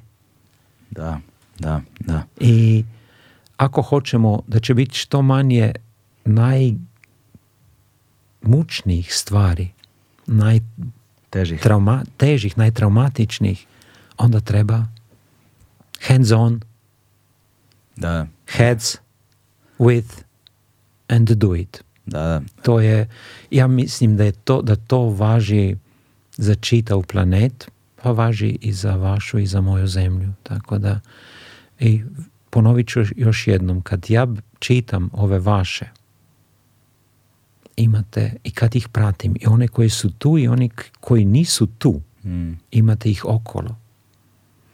Zašto da ih se ne pozove? Ja sam se našao sa našom ministarkom digitalizacije pre par sedmica moja je ključna ideja bila, ona je, to je puno priča o našem, našem sistemu, mi imamo ministarku digitalizacije koja je makedonka. Hmm. Kako smo došli do nje? Pre više godina unutar tih reformi u kojima smo pričali, mi smo vidjeli da ljudi iz ovih krajeva neki žele da dođu u Sloveniju i tamo naprave i srednju školu i, ili da idu preko naše zemlje u neke druge zemlje. Jer i mi imamo ovu drugu gimnaziju u Mariboru koju sam prije pomenuo, ona ima te, tu međunarodnu, e, ne, to, ja, international baccalaureat, taj sistem, veoma su dobri. Direktor te škole je ponudio, jedan deo još to rade danas, mesta za jedno odelenje mesta ljudima iz regiona mhm. da, pri, da dođu i da tamo odrade to. Emilija Stojmenova koja je sad ministarka je, je to dete. Wow, da. Ja me razumete? Da, da, da. Kad ja sedim Eto s njom... još jednog ploda. Kad ja sedim s njom za stolom i divim se tome kako njoj glava radi. Mm. Mm. To je i veliko zadovoljstvo za nešto što smo radili. Razumete? Da, da, da. Moguće je praviti dobro i ne samo za svoje svoje, nego za svoje nas. Ljudi, sve nas, ljude. da, u nas. Da, da, sve nas. ja. nas, sve nas. Ja. Ok. To je to. To je to. Slavko, hvala puno. Hvala i vama. Hvala puno. Hvala na pozivu i Nadam se da. Veliko je zadovoljstvo i hvala na ovom divnom i inspirativnom razgovoru. Hm. Stigli smo. Radite dobro i dalje, tako da. Hvala puno, stigli smo do kraja. Ok, hvala, hvala vam, zdravo.